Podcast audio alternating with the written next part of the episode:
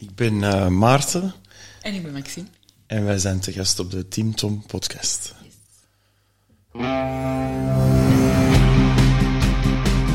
Welkom bij de Tim Tom podcast. Ik ben Timothy. En ik ben Tom. Samen zijn wij jouw GPS naar geluk en succes.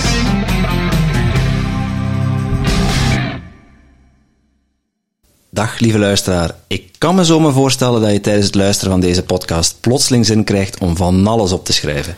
Wat zou jij nu werkelijk willen met al die inspiratie en al die inspirerende gasten? Maar dat is nogthans helemaal niet nodig. Oeh, dat is niet nodig. Hé, hey, kan ik dat niet allemaal niet onthouden? En uh, wie gaat dat opschrijven voor mij? De kaboutertjes misschien?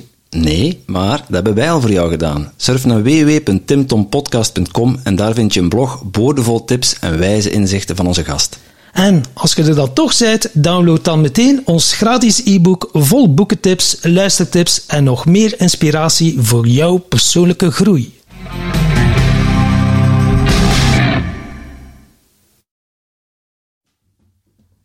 Ja, de knoppen, Tom. De knoppen. Ik moet de knoppen vinden. Ja. Ze werken nog. Oeh, zijn jij al een beetje bekomen van uw ademsessie van vorige week? Uh, ja, toch wel. Ja? Jij ook, jongen? Ja, ja. Precies niet, wat was het nou vergeten, hè? Ik, uh, je rozendekentje en kussentje en ik weet niet, en een avocado en al. Ik was redelijk van de leg toen we naar huis gingen. Ja, ja, toch wel. En het heeft ook wel wat dingen in, in gang gezet. Hè? Mooie dingen losgelaten. Dus, en vorige week hebben we het kort gehad over plantmedicijnen, hè, met Steven Franke. en iets zegt mij dat we daar vandaag nog over gaan hebben. Misschien ietsje pitsie. dat is, zo is het wel ontstaan. Ik ik heb ook al Iboga-ceremonies als deelnemer meegedaan, ja, dat wel next level is. En ook als assistent twee keer mogen assisteren. En tijdens een van die twee keer dat ik mocht assisteren, was er een Vlaming, een zekere Maarten. Hij had zo ook een fantastisch verhaal. Ik had er instant ook een goede klik mee. En ik dacht, oh my god. En hij zei nog wij gaan elkaar sowieso nog een keer tegenkomen of terugzien. Dat is soms dan, gevoel, ja, ja, en dan een jaar later was dan via zijn vriendin of vrouw, dat zal me ze even uitvogelen wat dat is, een vriendin of zijn vrouw. Ik zie niet direct een trouwring. Dus. Oké. En die nam met mij contact. Ah, ik hoorde van mijn vriend dat jullie fantastisch fucking goede podcasters zijn. En ik heb denk ik wel een verhaal. En ze was aan het vertellen. Ja, mijn lip hangt tot aan, uh, ja, die ging tot aan de grond. Ik dacht, oh my god. Ik zei, dat wil ik hier wel op, uh, op band hebben. Ja, maar ja, we hebben de... indruk op je gemaakt. Ja, ja, dat was nog een keer uh, het kwadraat, dat verhaal. En de Maarten zijn verhaal waren al fucking crazy. Dus dacht ik, oké, okay, we gaan nu gewoon volledig losgaan. De verwachtingen zijn hoog gespannen, Tom. Ik ben benieuwd, ik ben benieuwd. Dag Maxime, dag Maarten. Hi. Welkom bij onze podcast. Morgen. Ja, dat is al uh, een pittig begin. Iboga. Ik, me een anekdote van Tom, dat is zo, als hij zo op uh, plantmedicijnreis geweest is, dan komt hij terug en dan, dan moet alles zo even terugwennen aan de werkelijkheid. En we zaten zo in, in, een, in een podcastweek, uh, was de Tim Tom Podcast Zomerfestival. Uh, zomerfest, wat zeg ik? Uh, de Tim Tom podcast Zomertour. Uh, en we waren een week op pad, 17 podcasts opgenomen op een week. En zo, dan merk je zo in die podcast dat Tom zo elke keer hetzelfde zegt. En, zo, hij was net op Iboga trip geweest. En uh, hij kwam terug en hij zei, Iboga dat is de grootvader van de plantmedicijnen. Hij zegt, hier hebben mee te dealen, zijn makker. Hier hebben mee te dealen. Iedere podcast opnieuw.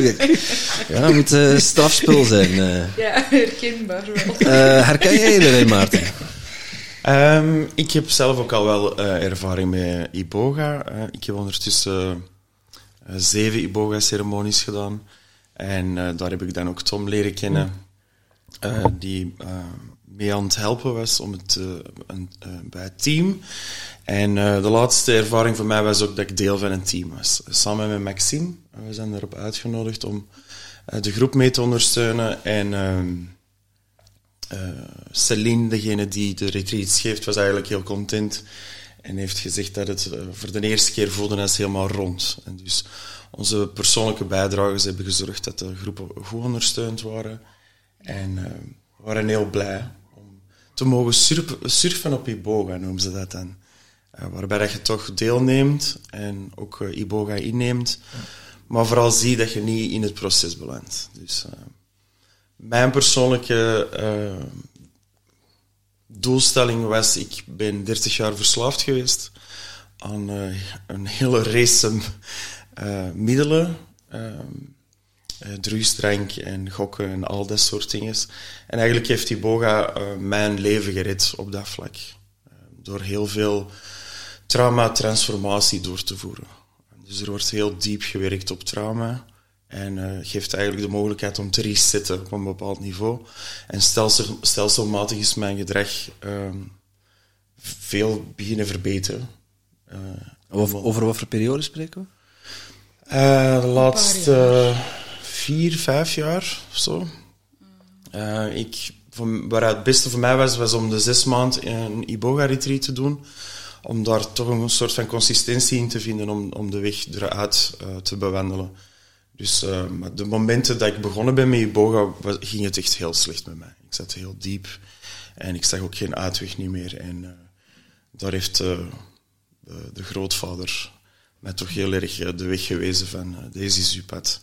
En dus we zijn zelf aan het denken om, of ik ben zelf aan het denken om de initiatie te gaan doen in Gabon. Dat zal deze zomer zijn. En dat is echt twee weken aan een stuk mm. heel diep gaan, samen met de Beauty Tribe. Uh, en Maxime gaat mee om uh, ons te vergezellen. Om... Mee te begeleiden bij de vrouwen. Ja. Dus ik ga in de, in de stam meezitten met de vrouwen en daar ook de Women's Initiation doen. Wauw. Uh, dus ja, dat is heel spannend. Voor mij is de Iboga een andere, andere kun je, ervaring. Kun je je microfoon ietsjes dichter naar je toe trekken? Ja. Hoorde mij beter? um, voor mij is Iboga een iets andere ervaring, uh, omdat het niet over middelenverslaving ging bij mij. Maar wat het voor mij heeft gedaan, is eigenlijk toch wel trauma gedefragmenteerd ook. En um, mij heel erg dicht bij mezelf gebracht. Dus mijn kanaal is er compleet door open gegaan. Ik heb gidsen ontmoet, ik heb dingen, ja, downloads gekregen. Dus, en sinds dan eigenlijk uh, is mijn spiritualiteit, bewustzijn, kanaal, hoe dat je het ook wilt noemen, eigenlijk helemaal aan. Wauw. Okay. Want ja, Iboga, je was, wat, je vertelde mij dat ook wel, ja, je hebt wel aan wat dingetjes verslaafd geweest, maar je hebt ook wel dingen al uh, gedaan om er vanaf te geraken van de verslaving. Uh, je hebt zelfs in Zuid-Afrika en Thailand of zo uh, gezeten, echt wel in die retreats om uh, er vanaf te geraken. Ja, um, goh, ik ben verslaafd begin, of ik ben verslaafd geworden op mijn ik herinner me dat ik verslaafd was op de, aan de kastjes op de vooral. Ik had ja. 50 ploesje beesten, dus grijpen en jetonnetjes. En, en, ik was al verkocht als ik heel jong was. En dan uh, roken, drinken en dan uh, marihuana roken uh, meer dan 10 jaar. En dan cocaïne, crackcocaïne, drank is altijd een vaste geweest. En dus um, ik zat heel vast in waar ik overleving noem. En dus een, uitweg vinden was voor mij het grootste doel. Eigenlijk, ik moest mijn eigen overlever letterlijk proberen te overleven. En uh, dus het is een leven lange zoektocht geweest van uh, hoe raakt het daar het beste uit. En ik heb alles geprobeerd. Ik denk van mediteren tot uh, retreats, tot psychiatrische klinieken, zowel in het binnenland als in het buitenland. Um, en ik denk dat ik 10.000 keer hervallen ben. En dus uh, op een bepaald moment, toch vijf jaar, vijf jaar geleden of iets langer, denk ik dat plantmedicines op mijn pad zijn gekomen. En dan dacht ik van ja, die probeer ik dan ook allemaal in één keer eens om te zien uh, of dat daar iets mij kan helpen. En dan was uiteindelijk toch Iboga en uh, Prana zijn de twee retreats die mij in de laatste jaren het beste hebben geholpen. Omdat, wat ik beseft heb is als je er niet in slaagt om je trauma's te healen of te transformeren, um, dan is het heel moeilijk om uit je overlevingsmodus te geraken. En dus um, reguliere therapie is iets dat helpt om, laat ons zeggen, je trauma's te vinden. Maar dat wil niet zeggen per se als je ze vindt dat je ze dan ook effectief heelt of transformeert. En dus Iboga is een heel transformerend gebeuren. Prana heeft een beetje dezelfde uitwerking gehad op uh, ons als koppel ook. We zijn samen Prana retreats uh, gaan doen. Uh, prana, kun je uitleggen wat, wat Prana is? Dat laat ik over aan mij. leven op Prana is eigenlijk leven op licht en energie. Dus eigenlijk onafhankelijk worden van voeding. Je kan dan nog wel eten, maar het is een keuze. En het is geen verplichting meer, of geen overtuiging meer dat we eten nodig hebben om te overleven. Oké. Ehm, zelfs water.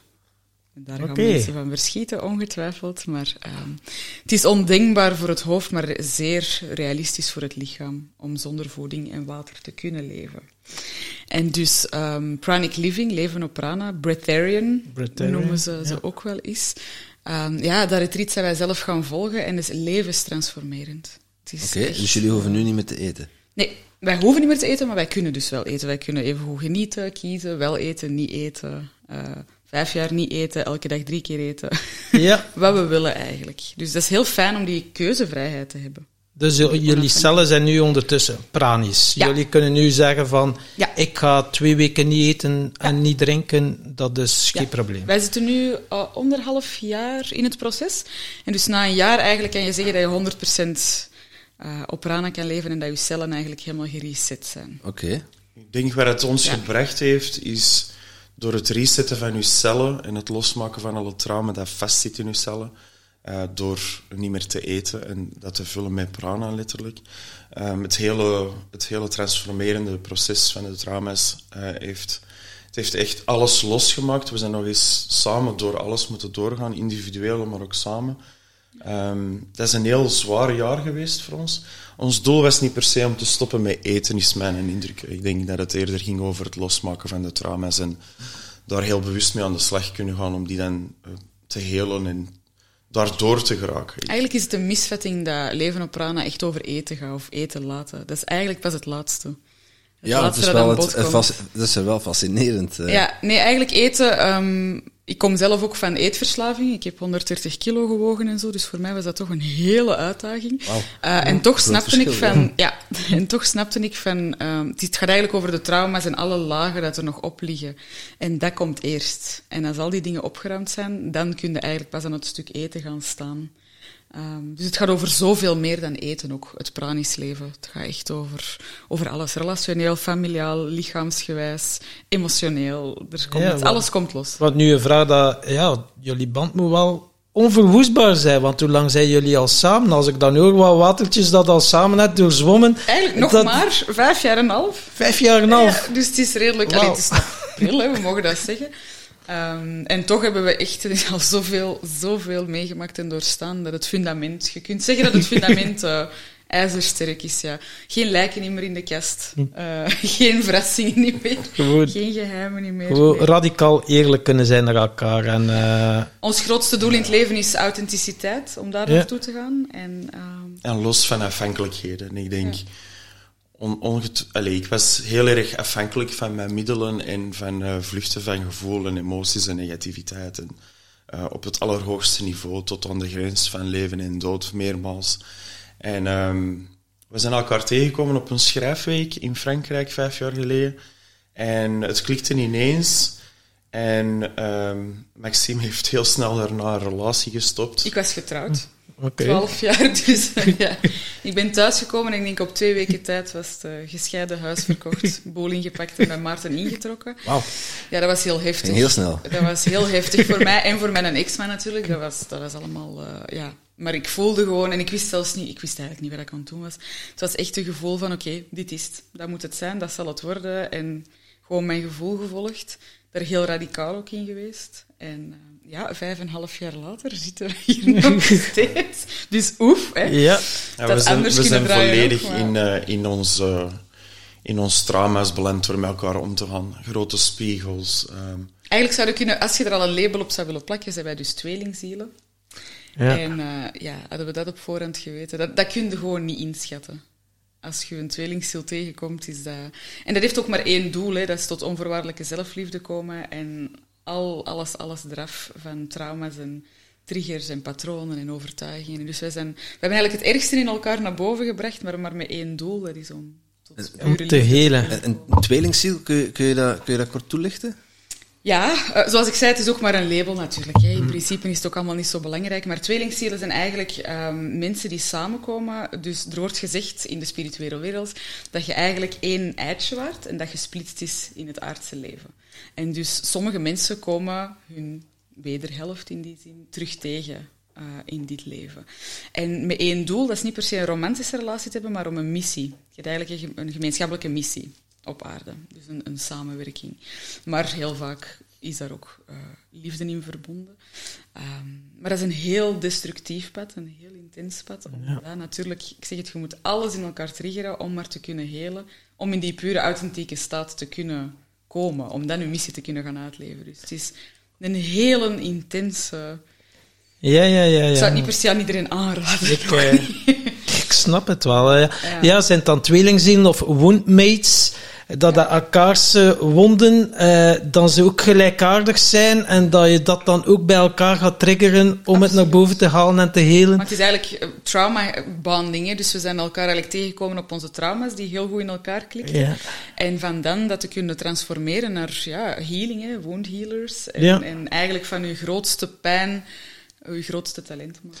Ja, want je hebt hem dan ook op een moment tegengekomen dat hij toch nog, uh, dat nog regelmatig sneeuwde in zijn neus en zo. Uh. en, en was eigenlijk... Jij zat nog in verslaving. hij, zat, hij zat natuurlijk nog in verslaving, maar hij was eigenlijk op dat moment goed. Hè, ik was perfect totdat ik Maxime leerde kennen. hij was tussen haakjes goed. Ik, kwam, uh, ik kwam juist terug uit een uh, afkikkliniek in Thailand. En dus ik was goed, ik was nuchter. En dan letterlijk in die week, op het einde was een glas wijn en... Dat was vertrokken. En ik wist ook helemaal niet waar dat ik in stapte. Ik wist helemaal niet dat hij met verslaving kampte. Ik wist eigenlijk van niks toen ik bij hem introk. dat, was, uh, dat was pittig natuurlijk. Maar um, nee, hij was goed. Maar ik zeg tussen haakjes natuurlijk, omdat als hij echt goed had geweest, dan had er geen herval of dan had er niks gebeurd.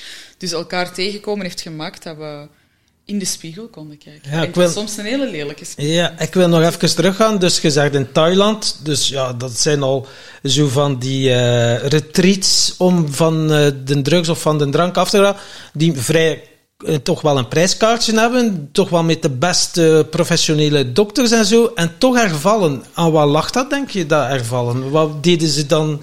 Wat die zij dan niet, wat dat je boga dan wel kan, bijvoorbeeld? Uh, om te beginnen ben ik naar Wat Tam Krabok geweest. Dat is een uh, Thaise afkikkliniek waar dat je door purging um, de eerste vijf dagen mocht met 50 op een rij mocht purgen met een brouwsel dat ze daar zelf in elkaar steken dat 2000 producten in zitten vanuit het, het regenwoud volgens mij. En dus je drinkt de, de redenering is dat je heel je lichaam en je ziel zuivert met te purgen. Dus ik heb daar twee weken gezeten en dat was de bedoeling om uh, naar een FK-kliniek te gaan met mensen die allemaal ervaringsdeskundigen waren. En eigenlijk uh, daar aan een veel goedkoper tarief uh, En dat is een programma van een maand tot twee maanden tot drie maanden. En dat kostte maar 6000 euro. Ik denk als je hier in België en Nederland okay. iets wilt gaan zoeken, zit al... Dat is toch nog een flinke investering, hè? ja, ja, dat is een flinke investering, maar als je moet kiezen tussen 6000 en ervaringsdeskundigen of mensen die de studies hebben gedaan hier, die, pff, dat loopt op van 12 tot 24, 30.000 euro. Um, dat is onbetaalbaar voor mensen. En dus uh, als de staat daar niet in steunt, dan is dat iets waar de meeste mensen gewoon niet kunnen betalen. Um, waarom een herval? Tussen wat Tamkrabok, de tempel, uh, de tempel, en het uh, arriveren in de volgende afkliniek heb ik bijna mijn leven verloren. En dat was een heel uh, ingewikkeld iets. Ik had enorm veel weerstand om daar naartoe te gaan, wetende dat het dan vanuit mijn ego het einde zou kunnen betekenen van mijn verslavingsproblematiek. Dus dat heeft mij een paar dagen geduurd, terwijl ik eigenlijk in één dag daar moest geraken. heeft mij een paar dagen geduurd om daar te arriveren in een zeer slechte staat. Um, maar uh, dat ook heeft mijn leven gered dat ik daar binnen ben beland. Um, wat maakt dat dat dan misloopt? Ik denk de focus in de hele medische en uh, psychologische wereld ligt veel te weinig op trauma. Trauma healing is iets waar ik van heb gesnapt. Als je niet werkt aan je trauma's, niet weten komt waar je trauma's zijn, die je niet kunt transformeren, zit je eigenlijk even hard gescheten, sorry voor mijn taalgebruik, eens dat je buiten komt. Als je ik, ik zat zo vast, ik liep weg van alles dat negatief was. En ik ben een redelijk gevoelige jongen, dus alles wat prikkelend is, trigger, triggers, um, um, maakt dat je weg wilt. Hè. Je moet vluchten en dus afsluiten en je emoties proberen af te blokken. Dus eens dat je terug buiten komt, dat, en dat is ook een heel groot percentiel van de mensen die uit afkikklinieken komen, dat die heel snel hervallen, omdat die ze leren nu wel de tools om het dagdagelijkse leven terug aan te gaan. Hè. En, en, ze zeggen van, maak dan wijze keuzes, ga niet meer met die mensen om. Maar als je gewoon gevoelig bent, je hebt niet geleerd van thuis uit hoe dat je moet met je gevoelens omgaan, op een gezonde, een natuurlijke manier iets waarbij dat je je gevoelswereld kunt laten zijn zonder dat je ervan weg wilt lopen. waarvoor, waarvoor, was je op de vlucht, Maarten? Um, verslaving is een hele visieuze cirkel. Hè. Ehm, ik denk dat ik... Mijn, een van mijn grote trauma's is dat ik als kind niet mezelf kon en mocht zijn. Ik ben daar niet in gezien en erkend. Dat ik een gevoelig iemand was. Dat ik de zaken goed kon inschatten. Dat ik het allemaal helder zag. Dat ik heel authentiek was. Mijn familie leunde daar niet bij aan. En dus ik zat eigenlijk... Ik groeide op in een wereld waar niemand authentiek was. Ik denk dat dat mijn eerste vlucht was. Van, ik kan niet mezelf zijn. Jullie zien en herkennen mij niet. Um, en jullie zijn allemaal niet authentiek en voor mij is dat een bedreigend iets. Jullie zijn niet eerlijk, jullie liegen, jullie bedriegen. Jullie, jullie kunnen niet naar mij luisteren en, en zien dat ik jullie wil helpen en dat ik het wel helder heb. En dus buitengesloten worden is een, een, eh, een trauma van mij. Um, bindingsangst is iets dat eruit voortgekomen is. Um, en dus al die trauma's neemden mee en ik zag geen andere oplossing dan... middelengebruik was voor mij iets dat hielp om mijn gevoelens af te sluiten. Ten opzichte van mijn, van, van mijn omgeving. En eh, de buitenwereld is heel lang voor mij ook een heel dreigend iets geweest. Ik heb het gevoel of het idee, um, iets dat ik ik heb 25 jaar onderzoek gedaan naar wie ben ik, maar wie zijn de mensen rondom mij, wie is mijn gezin, wie is, wat is de maatschappij, wat is de wereldbevolking. En mijn idee daarvan is dat wij allemaal aan het leven zijn vanuit trauma. Gelijk 90 tot 95 procent van de wereld draait volgens mij op trauma. En um, mensen die vanuit trauma leven, moeten erkenning van buitenaf halen. En dus iedereen heeft iets van iemand of een product nodig. Ja. Voor mij, in mijn geval, was middelengebruik uh, hetgene waar mij erkenning gaf. Van ik ben niet goed genoeg. Eigenlijk in uw trauma moet u zelf constant negatief bevestigen. Middelengebruik was voor mij een zeer efficiënte manier, ik ben graag efficiënt, om mijzelf negatief te bevestigen. Maxime heeft daar een andere manier voor en dat is dat uh, negatieve erkenning bij mensen gaan zoeken. Of mensen gebruiken om jezelf negatief te, te bevestigen. En dus iedereen zit een beetje vast in een loop van ik ben niet goed genoeg, ik mag er niet zijn, je bevestigt je trauma constant. En dus um, dat is de visieuze cirkel waar ik ook heel lang in heb gezeten. En omdat ik heel efficiënt ben, um, als het gaat over middelen of producten, je weet waar je ze kunt vinden, je weet waar ze kosten, ze doen wat ze doen, er is niks complex aan. Gewoon erin remmen en je hebt, je hebt high en je hebt je, uh, je, hebt je doel bereikt. Dus um, niks of niemand kon mij er ook in stoppen. Ja, het enige waar mij soms deed stoppen was dat ik letterlijk bijna ging doodvallen. En, of dat ik, en dan moest ik naar een afkikkliniek of zo. Maar dus die cycli uh, doorbreken, je kunt je heel erg focussen op, goh, je bent verslaafd, stop met je middelengebruik. Maar als je buiten komt en je voelt van, ik kan niet functioneren omdat ik mezelf negatief wil bevestigen, begin je gewoon terug opnieuw dezelfde cycli in gang te zetten. Dus waarom hervallen mensen zoveel?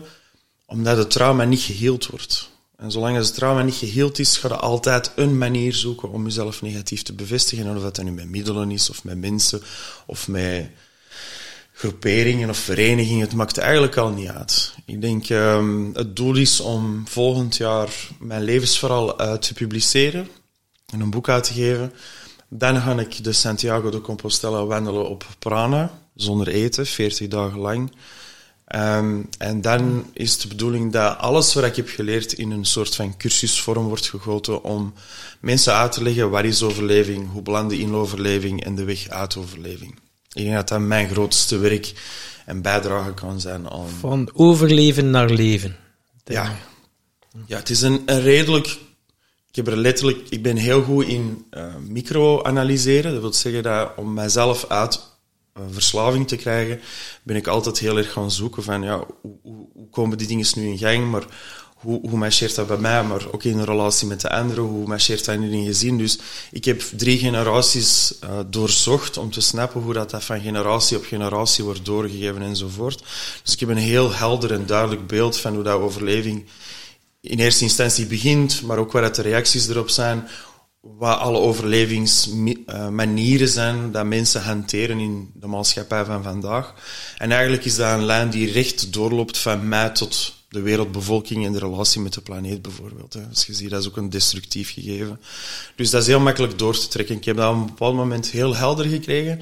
En ik denk dat ik heel blij zal zijn als ik die, die een boek of die cursus kan, eh, schenken aan de maatschappij en aan de wereld, omdat ik denk dat er een enorm nood is aan mensen die moeten wakker worden om te snappen en te zien hoe dat zit. Ja, want veel mensen denken zo, ja, trauma, denken al direct verkrachting of ik weet niet hoe, hoe erg, maar iedereen heeft verschillende trauma's. Hè. En is er nog een verschil tussen trauma dat is aangedaan of zelf gecreëerd trauma of trauma dat je tussen mensen als koppel, dus er zijn heel veel verschillende soorten en lagen van trauma.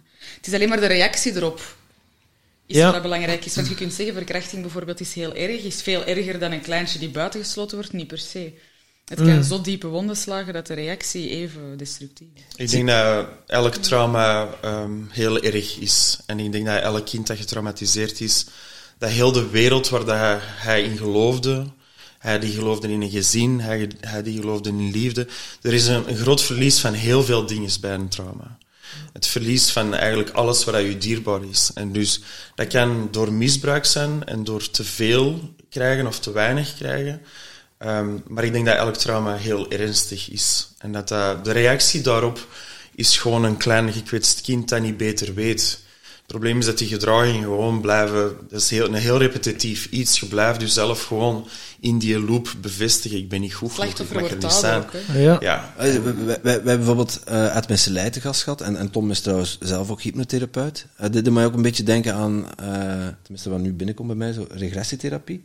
Hm. heeft, heeft, heeft Prana daar dan op, op dezelfde manier zijn werking? Ja, op zich zeker wel, hè, want dat wordt gedaan met breathwork en met visualisaties en ook door te dryfasten. Dus we onttrekken eigenlijk heel het lichaam van vocht. Dus het is eigenlijk drie dagen niet drinken, niet douchen, niks met water. En wij bestaan voornamelijk uit water en daar zit dus al het celgeheugen. In ons water zit eigenlijk alles opgeslagen. Dus als je dat onttrekt van een lichaam, komt alles boven. En is het een soort regressietherapie. Ja? Je beleeft eigenlijk je trauma's opnieuw, alles wat er nog zit, alles wat nog niet helemaal geheeld is, diepere lagen, diepere lagen, diepere lagen. En dus ja, dat doet zeker hetzelfde. En dus ook wij, wij hadden al heel veel heling gedaan en heel veel bewustzijnswerk gedaan en toch is er nog heel, heel wat uitgekomen. Ja, want ik denk dan vijf jaar en een half geleden, je maakt dan de keuze, je bent getrouwd, je hebt een huis, dan denkt je, jop, ik ga bij de Maarten zien. Ja. Dan dat je ook wel af en toe gedacht hebt, Oh my god. Ah ja, vanaf dat dat... Misschien crackverslaving.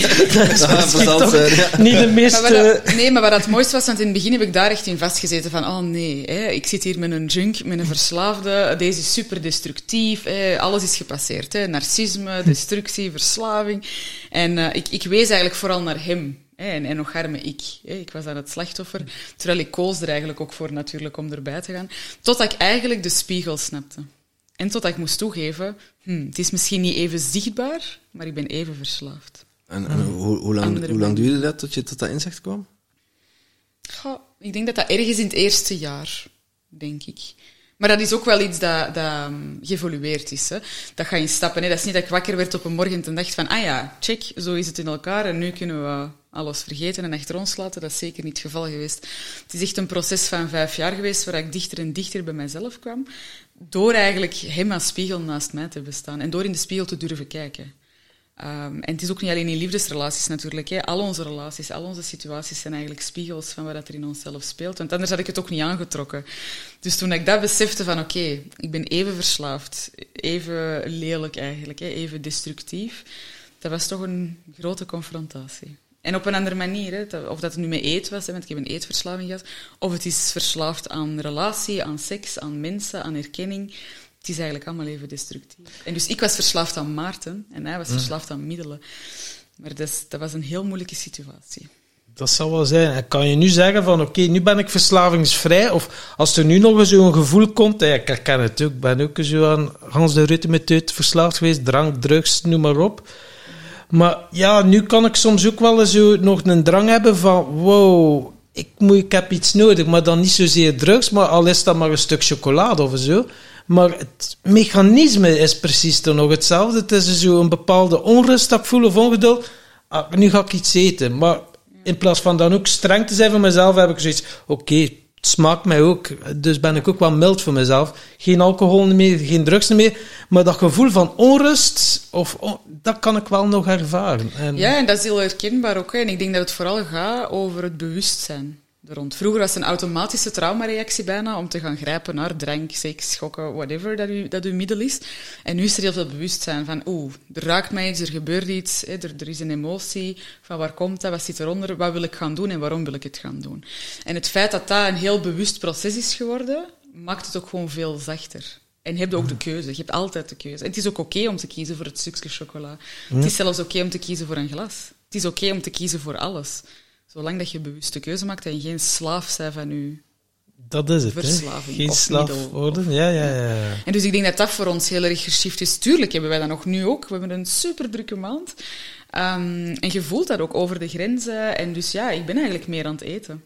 Ja, ja. Ik ben terug meer aan het eten en ik zie mij doen en, en ik voel het trekken. En, maar het is heel bewust. Maar, maar je, het is een heel bewust proces. Je hebt het niet nodig, maar toch Nee, maar het is wel een systeem natuurlijk. En het is mijn systeem geweest, dat is ook niet bij iedereen hetzelfde. Maar ja, 130 kilo, eetverslaafd. Dus het is altijd een beetje mijn systeem geweest, samen met erkenning van mensen. Dus ik merk dat ook als ik dan over grenzen ga, of ik ben heel moe, of er is een heel emotioneel proces. Waar ik altijd naar zal grijpen, is of eten, of de relatie. En dan moet ik heel erg opletten. Dat is heel waakzaam zijn van, oeh, nu kom ik in afhankelijkheid. Nu heb ik mm. precies iets van hem nodig en ik begin daar te trekken. Of nu pak ik chocola, maar waarom pak ik dat nu? Is dat omdat ik echt zin heb en er wil van genieten? Of wil ik iets wegeten? Ja. Dus dat is heel, dat is heel genuanceerd. Hè? Maar dat is denk ik bij ons allebei een, een, ja, een heel groot bewustzijn. En dus ja, zijn er nog verslaafd? Nee, ik denk niet dat wij ons zien als verslaafd. Maar uh, natuurlijk hebben wij ons systeem. Ik denk dat de grote shift zit hem in vroeger was, of, eh, of je leeft vanuit je getraumatiseerde kind. En, en de volwassene moet daarin volgen. En de grote shift is gekomen op het vlak dat wij veel meer in de volwassenen zitten. En ook merken we, zoals deze maand, als de volwassene slechte keuzes begint te maken, te veel op de agenda zit, dat die kleine begint te trekken aan je mouw en zegt van, kerel, deze voelt niet goed, kerel, je moet oppassen. En dus de relatie met het kleine getraumatiseerde kind moet in constante vorm goed zitten. Want als je er niet voor zorgt en je verwaarloost hem en je laat hem er niet zijn en je zorgt niet goed voor hem en je doet niet wat hij ook leuk vindt, dan kom je heel snel in een zone dat hij terug destructief gaat beginnen worden. Gewoon om u wakker te maken, daar gaat het dan over. Hij wil u laten snappen en weten van, je bent niet goed bezig, je bent tegen uw natuur aan het ingaan. En dus gebeuren die momenten nog dat er iets gedronken wordt? Ja, maar dat gaat dan vooral over word je bewust van wat je met jezelf aan het doen bent. Ik denk niet dat het kleine kind echt slechte intenties heeft buiten je wakker proberen te maken. En dus uh, veel meer is die relatie gezond. Hè. Eigenlijk gaat het over, kunnen de vader en de moeder zijn van je kleine kind. En als je er goed zorg voor draagt, dan kom je eigenlijk nooit in de problemen. Ja, want we hebben heel veel werk, hè, inner child work, hè, innerlijk kindwerk en zo. Maar voor ons gaat het veel meer over inner parenting. Dus de, de, innerlijke ouders eigenlijk cultiveren en leren kennen. En wie is die moeder in mijzelf dat ik nooit heb gehad in dit ja, ja, ja. leven of vorm? En wie is die innerlijke vader en wie heb ik nodig op welk moment? Mijn klein kind kan een heel zeurderig klein meisje zijn die van alles en nog wat wilt en die heeft dan de moeder nodig, hè, zorg eh, of een, of een warm bad, of, hè, maakt al niet uit. En soms heeft hij ook de vader nodig van nee, nu is het aan het overdrijven. Ja, want... En dus als je dat leert kennen in jezelf en, en, en heel goed weet wie in te zetten voor wat en hoe op te vangen, dan is het een heel ander verhaal. Dan dat je vanuit dat kind leeft. Ja, want inderdaad... vanuit liefde, ja. Ja, mijn vriendin zei dat inderdaad ook. Die werd dan, ah, dat is nu mijn innerlijk meisje. Ah, dat is het jongetje. Ah, dat, nu mag ik meer de vader zijn. Dus die heeft eigenlijk vier rollen dat zij voelt van... Zo van, wow, oh, dat is mijn meisje. oh, die wil, die wil, ja, ja, die wil even geknuffeld worden. Oh, het jongetje wil, wil spelen, wil avontuur. En ja. zij kan dat heel goed benoemen. Dat was voor mij ook wel een nieuwe dimensie. Ja, we hebben dat ook in innerlijk gezien. En zo elke morgen neem ik de tijd om eigenlijk in te checken bij alle vier. En te vragen van, oké, wie heeft wat nodig vandaag? Wat willen we doen? Echt gelijk een echt gezin. Hè? Als je rekening wil houden met iedereen, ja, we moeten tot een consensus komen. Oké. De moeilijkheid daarin ongetwijfeld is, hè, mijn ouders zijn heel afwezig geweest. En die hebben niet echt de rollen gespeeld die ouders normaal moeten spelen. Dus ik heb... Uh, mijn vader was heel afwezig, carrièreman. Mijn moeder was uh, soms te veel aanwezig, waar ook een verstoorde relatie gaf of indruk gaf van waar een gezonde relatie moet zijn. En uh, daarna heel erg afwezig. En dus als je niet... Als je ouders hebt die al in overleving zitten en zij voeden je op, krijg je letterlijk de les van hoe dat je een overlever moet worden in het leven. Dus ik heb heel lang hetzelfde als mijn ouders gedaan. En ik denk, als wij elkaar hebben ontmoet, dat wij zowel de moeder als de vaderrol, onze ouders, naar elkaar toe hebben uitgespeeld. En dat dat heel veel trauma triggers In combinatie met verbindingsangst en verlatingsangst. Ja. En dat, is, dat is een, dat is een pot van, van overlevingspatronen en trauma's. Ja, dus allee, dat, dat heeft het gewoon... Ik denk, waar ons gered heeft, is ook, of de relatie gered heeft, was de belofte van, we gaan alles wat er op ons pad komt, we gaan er naar kijken, we gaan eraan werken. Wow. Ik denk dat als je die belofte niet naar jezelf maakt, ik heb die belofte naar mezelf gemaakt als ik 14 was, ben ik al in therapie uh, gegaan. Ik dacht van, goed, elke negatieve situatie kan u een positief iets leren. Zolang als je blijft werken, gaat vroeger of later wel op een punt komen dat je, dat je het snapt en dat je het kunt doorbreken. En dat was een heel rationeel proces, denk ik. Tot als ik dan met trauma's ben beginnen werken, is dat ook gewoon, heeft een vorm gekregen van, ja, deze, ik, ga, ik ga meer beginnen leven, minder overleven. Meer in mijn volwassen mens, minder in het kind zijn. En dat, hebben we, dat pad hebben we dan samen toch uh, afgelegd. ja, wat dat heel mooi is, is dat wij zijn eigenlijk begonnen, hè, we, hebben die, we hebben die afspraak gemaakt van we gaan altijd werken en er naar kijken, maar in het begin was dat toch nog zeer apart.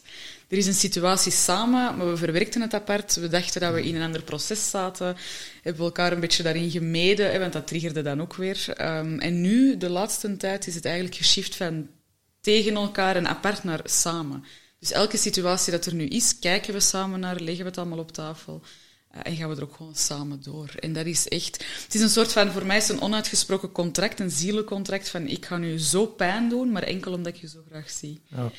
Um, dus voor mij is er geen hogere vorm van romantiek of liefde dan deze. Van destructie naar naar die onvoorwaardelijke liefde kunnen gaan voor jezelf en voor elkaar. Gewoon zo'n conscious relatie eigenlijk. Alles is bespreekbaar, radicaal eerlijk zijn, de een veilige bedding bieden, stukken worden aangeraakt, mag er zijn, je krijgt een volledige ruimte, maar je hebt het wel zelf op te lossen en zelf te gaan helen. En, en dat is waar we nu staan, want zo was het natuurlijk niet in het begin. Want we hebben echt, echt elkaar ja, de duvel aan gedaan. Hè. We hebben elkaar zo pijn gedaan en, en zo gespiegeld. Maar enkel omdat dat natuurlijk in ons speelt. Dus hij zei altijd vroeger, oh, mijn exen, dat was veel makkelijker. Dat waren allemaal veel makkelijkere relaties. ja, tuurlijk.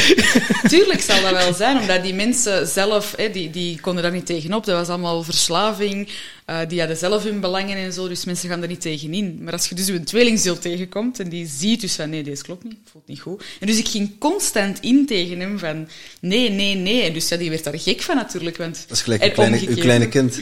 Tuurlijk. En omgekeerd ook. Hè. Ik had zoiets van, maar laat mij nu eens doen. Ik ben toch goed bezig? Nee, klopt niet, klopt niet. Dus we waren constant aan het filteren van oké, deze is niet zuiver, deze is niet authentiek. En dat was, dat was om gek van te worden. Ja. Maar het heeft ons wel, ik ben super denkbaar, want het heeft ons wel hier gebracht natuurlijk. Door ja, en veel mensen denken dan ook van, oké, ja, jij bent dan een junk geweest en die gaat op schrijfweek. Dus ja, een intellectuele junk, want de meeste junks zitten onder de brug, maar gaan niet naar een schrijfweek of dachten misschien, ah yes, ik mag op lijntjes schrijven en uh, het woordje lijntjes, dat je dan dacht, ik snuif ze allemaal uit het schrift of zo. Maar die is altijd een functional addict geweest. Hij is altijd... Uh... Ik, toen ik hem ontmoette, en, en, ik heb dat eigenlijk altijd gehad, heel die vijf jaar en een half, in gebruik of niet, je ziet je zie het niet aan hem. Hè. Mhm. Je ziet het, je zag het niet. Het was, het was ja, echt iemand die kon functioneren. Ik was ook uh, verslaafd aan controle, ongetwijfeld. Zo. Ja. Uh, ik kwam uit een gezin waar mooie printjes naar de buitenwereld toe heel belangrijk zijn. En dus ik moest controle houden over hoe dat mensen naar mij keken, hoe dat ik mezelf presenteerde. En dus um, controle ongetwijfeld uh, kan gezien worden als een heel negatieve iets. En langs de andere kant denk ik dat het mij ook deels gered heeft. Want ik ben iemand uh, die zich compleet zou kunnen laten gaan door dat systeem. En dus de printjes moesten altijd mooi blijven. Hè? En toen kwam ik. En er was geen schoon printje meer. ik heb daar nooit iets mee gehad met schoonprintjes, dus dat was gewoon full on. En ook drama in het openbaar. En ja, ik heb een, een heel pittig klein kind. En uh, dus voor hem was dat ook een hele uitdaging, omdat hij zoiets van, nee, nee, ik wil dit niet. Ah ja, ja. Hij wilde inderdaad een mooie printjes en dan kwam jij, ja, Maxime dacht van... Maar dat was wel wat hij nodig had, dus we krijgen ook niet altijd wat we willen natuurlijk. We krijgen vooral wat we nodig hebben. En in die zin hebben we elkaar ook gered. We hebben onszelf gered door de keuzes die we hebben gemaakt. Maar ik denk oprecht dat we elkaars leven ook hebben gered. Ja. Door, door eigenlijk echt erdoor te gaan en, en door het lelijke te presenteren en de spiegel. En... Ja. Ja, en mensen denken nu zo, ja Maarten, oké, dat is allemaal goed en wel, maar voor uw drugs te bekostigen heb je geld nodig. Oftewel, zij de een goede dealer, maar als je zelf gebruikt, hmm, is dat niet zo handig om ook dealer te zijn? Uh, of is het toch iets uh, ingewikkelder? Uh, ik ben in mijn jongere jaren van mijn 14 tot mijn 24 heb ik gedeeld. dat ging dan vooral over marihuana. Ik heb nooit niks anders gedeeld. Uh, in de tijd vond ik dat nog allemaal heel onschuldig en ik hielp graag mijn medemens aan een goed stukje marihuana. Um, en dat is intentioneel, was dat begonnen om mijn eigen drugs te bekostigen of mijn eigen verslaving te bekostigen. Maar omdat ik zo efficiënt ben en uh, Komt het weer goed in marketing, is dat heel snel heel groot geworden. Um, en, en uh, heeft mij daar wel wat, geld opgeleverd. Uh, gelukkig ben ik op de juiste momenten door uh, de politie op de vingers getikt geweest. En heb ik straffen gekregen die voor mij niet te groot waren. Waardoor dat ik um, kon wakker schieten en denken van goed. Ik heb een paar keer op een kruispunt gestaan waar ik moest kiezen tussen en of je wordt gewoon een debiele crimineel die in het gevangen zit een helft van zijn leven. En of je beslist nu om te stoppen en um, je leven te beteren. En dus um, gelukkig is het, uh, heb ik de juiste keuze gemaakt. Het probleem dat eruit voortkwam was, oké, okay, ik kan niet meer dealen, wat ga je nu doen? En dan ben ik gewoon overgestapt op de kook. en nog erger mijn systeem beginnen afsluiten voor de buitenwereld. Dus, uh, uh, maar ook daar ben ik een paar keer tegen de lamp gelopen. Met onder invloed rijden bijvoorbeeld. En um, uh, op den duur, ja, je kunt dan zeggen, nee, je hebt het nog niet gesnapt. En, en waarom mm. doe je dat nu nog steeds? Ja, als je in een waas leeft, letterlijk van s morgens tot s avonds, dag in, dag uit, zit je niet bezig met de regels van de maatschappij. Je wilt gewoon je, je kick hebben of je high hebben en, en de rest kan eigenlijk de pot Ja, want zo'n grammige kook is toch ja, rap 50 euro of zo uh, dat je dan toch betaalt. Ja, dus, en, zo goed op de hoogte van de prijs. Ja, ik heb, uh, ik heb er ook wel een keer van geproefd, jongen. dat is... Ja, er is toch iets mysterieus geweest. Weet ik had dezelfde vraag, maar Maarten heeft altijd op een of andere manier een geldflow gehad. Waar ik van dacht van, allee, kom aan, universum. Straf hem nu een keer, pak nu eens al zijn geld af. Laat hem nu eens bankroet gaan. Het universum maakt geen onderscheid tussen goed en kwaad. nee, dus ik dacht van, allee, hoe kan dat nu? ik zat altijd in tekort en hij had altijd over. Works both ways. Er, is altijd, uh, er is altijd op een vreemde manier geld naar mij toegekomen. Ik, ben nooit, ik heb nooit gestolen, ik heb nooit uh, mensen kwaad aangedaan. Ik ben geen crimineel geweest in mijn beleving mijn hart zat altijd op de juiste plek. Um, ik heb geen overvallen gepleegd en dat soort dingen. Maar Alleen op een of andere... erfenis doorgejaagd. ja, duidelijk dat de erfenis er is doorgejaagd. Mama, mijn... niet luisteren. mijn lessen zijn ook altijd super duur geweest. Um, langs de ene kant denk ik... Al dat geld heeft mij gediend om alle hoekjes en alle cracks in de wall te onderzoeken van hoe dat de menselijke geest en het menselijke lichaam functioneert. Echt uh, van, van het randje van de dood en bijna een stapje in de dood, tot, tot aan ik ben mens, ik ben authentiek, ik ben mijzelf en, en ik leef in plaats van, van de ergste graad van overleving tot helemaal waar het eigenlijk zou mogen zijn. Dat je gewoon dag in dag uit leeft en dat je de juiste keuzes maakt, dingen doet die je gelukkig maakt. Um, over alles, de juiste partner en, en het juiste werk. En ik voel dat daar een soort van pionierschap in zit om uh, die boodschap te brengen aan, aan, de, aan de mensheid. En ik snap heel goed dat alle overlevers niet zitten te wachten op ikke die hun spiegel gaan voorhouden om te zeggen van misschien moet je eens gaan kijken wat je gaan doen zijn, waardoor dat je eigenlijk miserabel in het leven staat en ongelukkig staat. Mm. Iedereen wil dat. Ik geloof nee, nee. dat 99% van de, de mensheid gediend zou zijn met die een boek, maar ik geloof ook maar als er 1% hem zou leven, dat dat al een heel grote vooruitgang zou zijn. Dus Um, ik heb mijn leven een beetje opgeofferd om dat pad duidelijk te krijgen. En ik, ik heb al veel opzoekingswerk gedaan. Ik denk niet dat er ene het zo duidelijk heeft als ik. Dus het gaat een heel spannend gebeuren worden komend jaar om daarmee aan de slag te gaan. Um, en dat is ook spannend geweest, hè, want wij voelden dat inderdaad, dat pionierschap op verschillende vlakken. Hmm. En die grootsheid ervan heeft ons heel lang ook beperkt of klein gehouden. De angst van, oei, wie zit daarop te wachten? Hè? Want mensen houden van hun illusie, mensen houden van hun bubbel. Mensen houden van hun, ik ben supergelukkig en ik wil het niet zien en ik wil de beerput vooral niet opentrekken. Ja, maar lekker in de saucisse blijven, ja. zou Peter van den Broeke zeggen. Ja. En wat wij dus heel erg hebben gedaan, is we zijn begonnen met een beerput open te doen. alles eruit gehaald, ja. stront, regen, modder, alles wat je maar kunt vinden, om dan nu een heel mooi puttetje te hebben van uit te kunnen drinken zelfs. Ja, ja, ja. Maar heel veel mensen willen dat niet. Ik zie dat ook. Ik werk dan vooral met koppels en relatie. Mijn ding is helemaal union. Uh, en dus de ja, hardcore union, heet ons bedrijf. En dus ik zie dat ook heel veel mensen willen daar niet gaan aanstaan, uit angst dat dat alles ontwricht. Dat heel hun familie ontwricht wordt, hun gezin, hun relatie, hun en nee, nee, de maatschappij zorgt ervoor dat je zoveel escapes hebt. Je kunt je verdoven, je kunt vluchten, social media, tv, drank, drugs. Ik ben super gelukkig in mijn leven ja. op orde. Hè. Ja, ja, ja, de materialisme en noem maar op. Oh, even goed voelen, maar dat is het niet. Maar echt in een put open trekken en dan gaan kijken en dat gaan doorleven en doorvoelen, dat is fucking hard werken. Dat is nog veel harder dan een fulltime. Maar veel mensen, heel veel mensen staan, ja, verschillende mensen vanuit mijn entourage staan op de ziekenkast of zo. Mhm. Maar ik snap dat ook helemaal. Als je aan het helen bent en trauma healing aan het doen, om dan een fulltime job bij te hebben. Er is heel veel taboe en oordeel over, hè, want ik heb zelf ook jaren Mm Ja, jaren op ziekteuitkering geweest, omdat ik ook heel veel ingrepen en zo heb gehad in mijn fysiek verleden. Maar ik had het absoluut niet kunnen doen als ik aan het werken zou geweest zijn. Nee. Deze helingspatten waar dat we dan nu staan, en nu zijn we klaar om terug te geven, maar dat is onmogelijk als je, als je voelt aan werken en gezien en alles erop en eraan. Als je daar de diepte Dus ik ben heel dankbaar eigenlijk voor de kans dat ik heb gekregen om het werk te doen, het innerlijk werk te doen, terwijl ik een uitkering krijg. Uh, Maxima, uh, mutualiteit is ook gewoon geweldig, die van mij. Toen ik daar ging aankloppen om te zeggen, ik ben verslaafd, en dan had die man zoiets naar, naar de controle, nee, je moet dan op de controle gaan. Na zes maanden had hij zoiets van, maar, zeg jij goed, hè? ga maar terug werken. En ik had zoiets in mijzelf, ik voelde zo'n fuck, nee, ik kan en wil niet gaan werken, want straks beland ik gewoon terug, hè, de dag daarna in verslaving.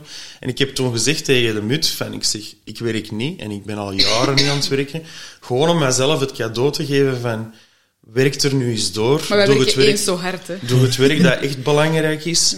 En ik geloof ook dat deze, wat wij in de laatste vijf jaar hebben gedaan, als je dan nog uh, van 9 tot 5 en kinderen en huisdieren en je moet Allee, het zou nooit niet kunnen hebben. Dus ik heb heel mijn leven gededicated to the mission van er gewoon uit te geraken. En ben eigenlijk maar het is wel waar, verslaving wordt eigenlijk niet erkend in onze maatschappij als een probleem. Terwijl bij mij ging het dan over eh, obesitas, gastric bypass, heel veel... Ik heb dertien ingrepen gehad voor huidoverschot, reconstructies, mislukkingen, enfin, heel fysiek. En dat wordt heel erg erkend. Mm. Als je iets fysiek kunt aantonen, is het, ah ja, ja, nee, tuurlijk. Ja, je zou wel een lijntje moeten gaan snuiven voor de controle, dokters in hun neus, om te, om te, snappen om te zeggen van, ik ben wel verslaafd, ja, ja, ik, kan, ik kan deze niet aan. En dus mm. heel veel van mensen die verslaving ervaren, die zitten in FK-klinieken, die komen vrij, dat gaat dan een paar maanden goed, dan vallen die terug gewoon in.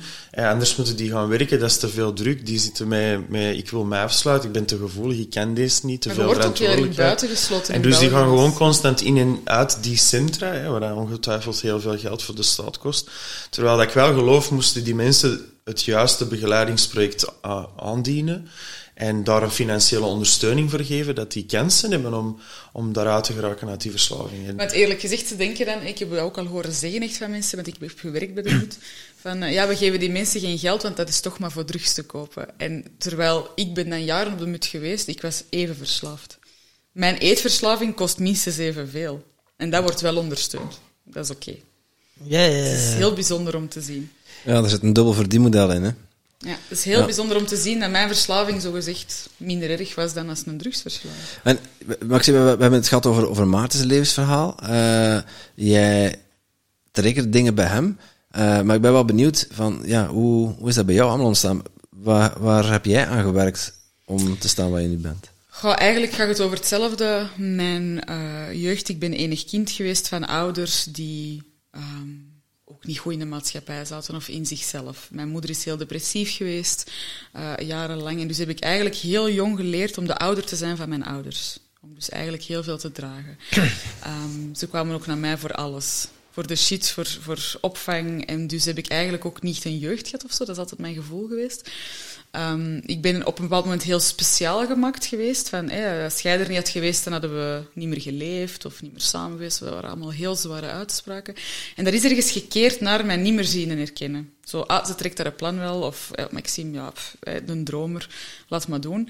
En dus ben ik eigenlijk sinds heel jong uh, heel zelfstandig geweest, mijn ding gedaan, uitgegaan ook in verkeerde dingen beland. Ja. Ehm, en door eigenlijk die pijn, ook die pijn van afwijzing, van verlating, van buitensluiten, eigenlijk bij dezelfde wondes, um, ja, ben ik, ben ik in iets ge, gegaan in mijn relatie ook, want ik heb met mijn ex-man leren kennen, heel jong, op mijn 16 ongeveer, en daar heb ik dat gewoon allemaal uitgespeeld. Ik was eigenlijk mijn ouder, dus ik was eigenlijk de narcist. Ik was degene in macht. Ik was degene die erover walste. Ik was degene van, mij gaan ze niet meer pijn doen. Mij gaan ze nooit niet meer buitensluiten. Dus ik was de grote mond, de arrogante op school, de alles. Dus ik ben helemaal in, in die rol gekropen. Omdat ik maar niet meer wou gekwetst worden of niet meer hetzelfde mee wou maken. En dan heeft mijn ex dan uh, besloten om mij te bedriegen met iemand. En um, dat was ook een grote kwetsuur van bij mijn ouders. Ik had zien spelen tussen hen en mijn grootste angst eigenlijk. En met dat hij dat... En ik snapte het ook, hè. ik kon het zeker ook plaatsen, want mijn gedrag was verschrikkelijk. Um, maar in dat moment heb ik gekozen voor drug of choice. En ik ben beginnen eten. Ik ben echt gelijk een zot beginnen eten om dat allemaal te kunnen hanteren, verwerken, dragen. En ben ik 60 kilo bijgekomen op een jaar. Wauw. Toen was ik 17 of zo, ongeveer. Tot op het punt dat ik dan 130 kilo woog. Daar heb ik dan acht jaar in vastgezeten. In die relatie ook, hè, want dat heeft zoveel invloed op je seksueel leven, je, intiem leven, je emotioneel leven. Dus dat heeft zoveel um, miserie ook veroorzaakt. En ik ging eigenlijk nog meer in de macht. Ik werd eigenlijk nog lelijker. Niet alleen fysiek, maar ook, maar ook allez, intern. Um, dus dat werd eigenlijk nog een grotere tirannie en zo, tot, tot echt ook heel bijzonder gedrag. Van als ik mijn goesting niet kreeg, kon ik mij van een trap smijten. En van die toestanden. Dus uh, als Peter deze hoort, nog eens sorry. um, er, is ook heel veel scha Allee, er is ook heel veel schaamte op geweest en heel veel op... op uh, ja. Maar daar is het ook, hè, van in die spiegel te durven kijken en te zeggen van kijk, ik ben echt super lelijk geweest. Ik heb mensen pijn gedaan. Het is ten koste van mensen gegaan. Uh, en ook van mijzelf natuurlijk. En dat is het helingspad een beetje geweest. En dus het ging al niet meer goed tussen mijn ex-man en mij, met alles wat dat daar al tussen zat. En toen heb ik dus Maarten ontmoet. En dan dacht ik, deze gaat veel beter zijn, let's dook, go. Dook je in een nieuwe, in een nieuwe versmachting? Dook ik in iets nieuws, maar natuurlijk wel iets dat er mij heeft kunnen doorhelpen. Hè, want um, het had ook gewoon een heel destructief gebeuren kunnen zijn. Hoe, hoe ben je dan op die schrijfweek terechtgekomen? Wel, ik heb altijd geschreven. Van kleins af aan was ik dagboeken aan het schrijven en altijd van alles en nog wat en zo plakboeken en zo. Dus schrijven zat er al altijd in. En dan dacht ik, dat heb ik wel vaak gedacht vroeger uh, in mijn pad. Van, ah, als ik nu deze retreat ga volgen, dan ben ik oké. Okay. Als ik nu die workshop, dan ben ik geheeld. Ja, Als ik nu op schrijfretreat ga, het outsourcen. Uh, en toen was ik dan ben ik goed genoeg. Ja, ja, ja. En, dan, dan gaat het... En toen dacht ik al dat ik bijna klaar was, weet je wel. Ja. Wist ik veel. Um, dus dan dacht ik, ja, dat was nog weer zoiets. Hè, zo, ah ja, ik ga een schrijfretreat doen. Dat gaat dan maken dat ik, dat ik goed ben en dat ik op mijzelf terug kan, kan plooien en een boek uitgeven. En dat zijn ook zo'n ding is, ik heb dan al die dingen gedaan, zowel ingrepen als retreats of alle de keuzes die ik heb gemaakt, was ook altijd ten koste van anderen, want ik had er nooit het geld voor ook niet, dus ik heb dat altijd geleend. Tot op de dag van vandaag zit ik nog in schuld om al die dingen af te betalen. Uh, dus daar zie, daar zie je dan dat daar niks van klopte. Maar goed, ik en op de schrijfweek... Um, en daar ben ik dus Maarten tegengekomen. Dus het had wel zijn doel, maar het was niet schrijven. En wat was jouw doel al, uh, Maarten, om ook een boek te schrijven? Het was allebei met de bedoeling al, vijf jaar geleden, ik ga een boek schrijven. Ja, niet goed weten uh, waarom. Ja, mijn, mijn concepttheorie over uh, overleving was toen eigenlijk helder. het enige probleem was dat ik daar zelf helemaal nog niet klaar, energetisch klaar voor was om dat uit te geven. En dus nu, na vijf jaar later, zijn we allebei op het punt om uh, uh, beide twee boeken uit te geven en uh, samenwerkingen te doen. Het gaat over cursussen en retreats en al dat soort zaken. Dus, maar ik had eigenlijk nog geen idee van welk boek, want ik kwam daaraan met met gehele verhalen dat op niks trokken. En dat was, weet je, dat, dat was, uh, nee, dat was over relatie. Ik wou dan schrijven over mijn relatie met Peter, maar ja, dat zat zo scheef dat no way dat dat had gekund. Dat is een mooie bubbel die je al snel geprikt ja. werd. dus ik kwam daartoe en ik had van, ja, ja, schrijven, hey, dat, gaat hier alles, uh, dat gaat hier de bol recht trekken. En toen heb ik dus Maarten ontmoet. Hij zat ergens van achter in de workshop en ik hoorde hem spreken. Ik dacht, ah, Antwerpen? Ik draaide mij om en het was verkocht. En we hebben eigenlijk geen letter meer geschreven heel die week. Het was een heel vreemde week. We hebben zo netjes doorliggen babbelen. En, en heel, dat was, er waren heel veel vrouwen aanwezig die ook allemaal vreemde bewegingen begonnen te maken als ontwij, ontwijkingsgedrag. En ook echt zich voor zijn voeten smijten. Een van, zwangere vrouw die ineens een kus wou op... Ik zeg van, ja. wat is deze? Dus was, uh, onze chemie, eigenlijk onze chemie dat wij hadden, had een heel groot rimpeleffect op heel dat retreat. Dus dat was heel bijzonder.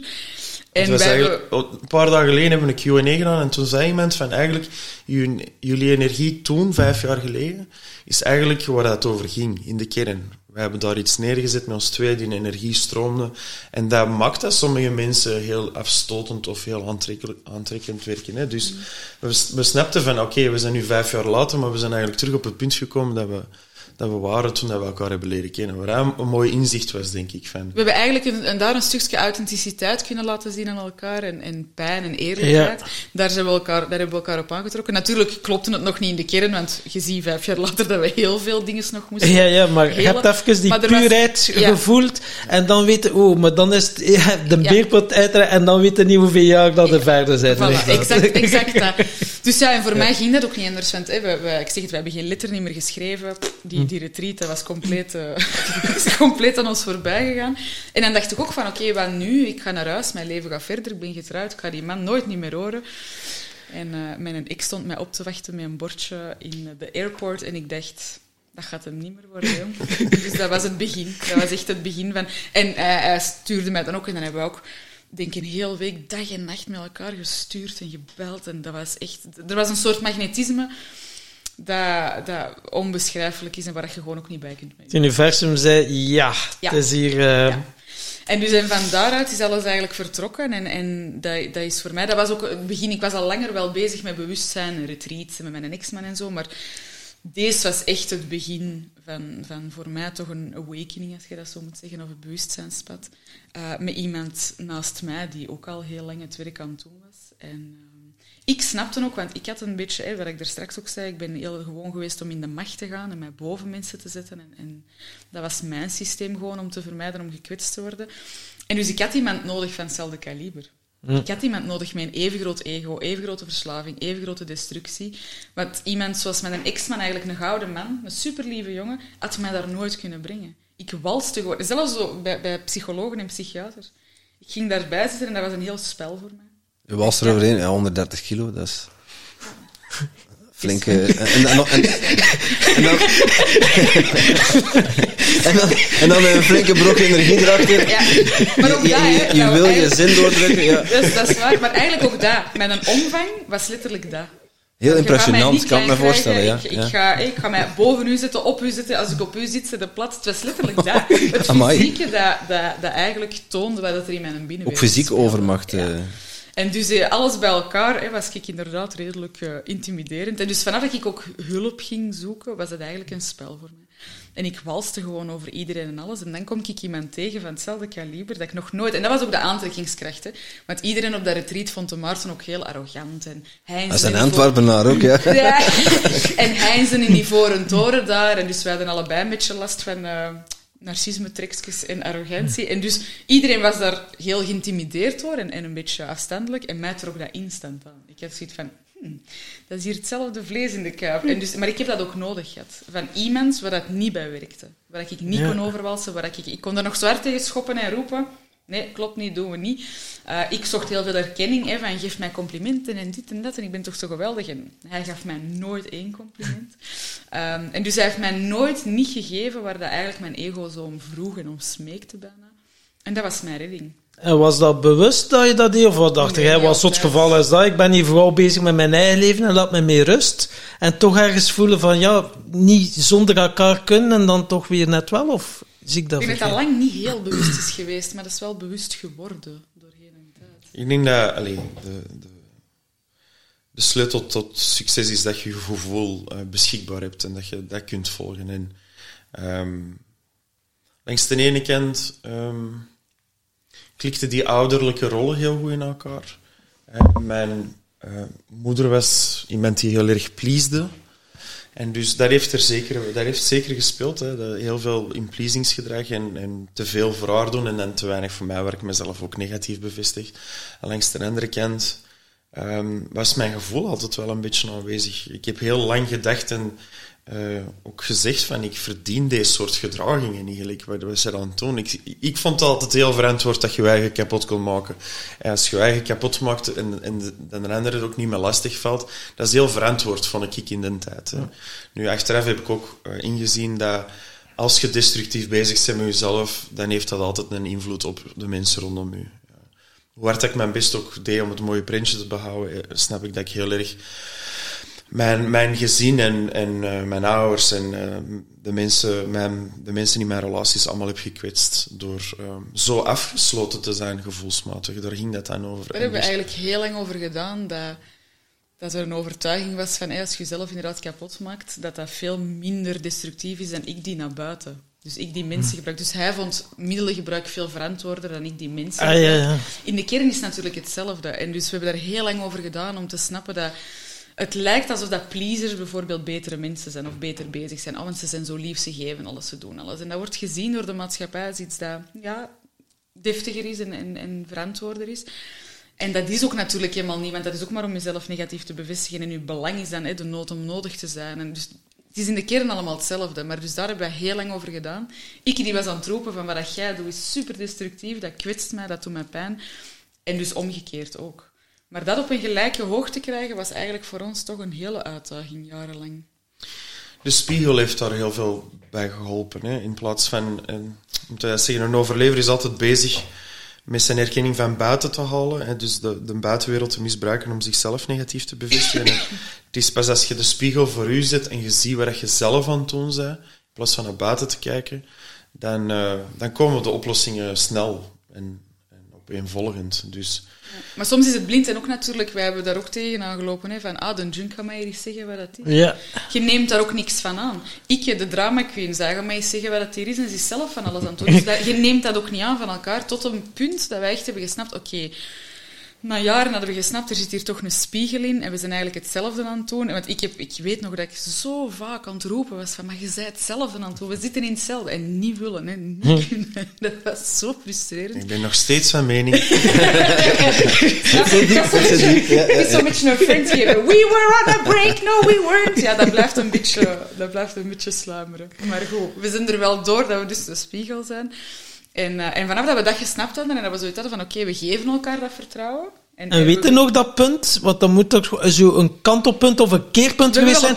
Dat het, uh, dat het echt wel gecrashed is, dat niet normaal was. Ja, dat dan is zo van wow, dieper dan dat kan niet. Eigenlijk een van de meest. We hebben er twee heel grote, denk ik. Maar één van de uh, meest belangrijke was daar in, aan de zee denk ik, dat er een psychose is geweest uh, bij Maarten. Ik heb mezelf weer eens een uh, psychose gezopen. Ja, en dus, uh, en dus dat, is, dat is heel erg... Daar is er echt iets gebeurd waardoor dat zijn controlesysteem eraf viel. En dat is al meerdere keren gebeurd, ja. Ja, ja, ja. Ik heb verschillende psychoses gehad. Ik denk dat wij drie zo'n momenten hebben gehad. Te veel drank, te veel drugs, dagen aan een stuk wekker. Ik denk dat ik negen dagen aan een stuk wekker ben geweest. Um, en uh, op, een bepaald moment, je brein verwerkt dat gewoon niet meer. Hè. En, ik ben er dan altijd bij. En begin er raar te doen. en ik was er dan altijd bij. Dus Geen mooie prentjes meer. nee, en voor mij heel traumatisch. Ik kan eerlijk toegeven dat ik uh, door eigenlijk zijn verslaving en die van mij in de relatie gewoon, dat ik heel veel trauma's heb gecreëerd. Op drugs, op drank, op... Ik ben die nu allemaal aan het helen. Maar dus uh, dat was heel heftig en die psychoses ook. Dus we hebben wel een aantal van die momenten gehad. Ik denk dat ik er drie drie kan benoemen. Maar die ene keer was eigenlijk een heel diepgaand moment, omdat als hij eruit wakker werd, um, was heel het controlesysteem er precies af. Dus ik zag echt heel veel kwetsbaarheid, heel veel dingen die loskwamen. En dat was eigenlijk ook een heel, heel mooi moment. En ik denk dat we daar elkaar het vertrouwen hebben kunnen geven van oké, als het zo erg is en iemand blijft toch staan, naast mij in liefde, mijn open hart, en gaat niet zelf lopen of vluchten, dan is het de moeite om het te vertrouwen. Ook al is zij zelf iets aan het doen dat niet klopt. Ook al, hè, ik vertrouw haar op wat zij nu zegt, dat dat klopt. En ik heb dat bij hem ook gehad. Van oké, al is hem in gebruik, vaak zegt hem de waarheid. En dat vertrouwen, in het begin hadden wij dat totaal niet.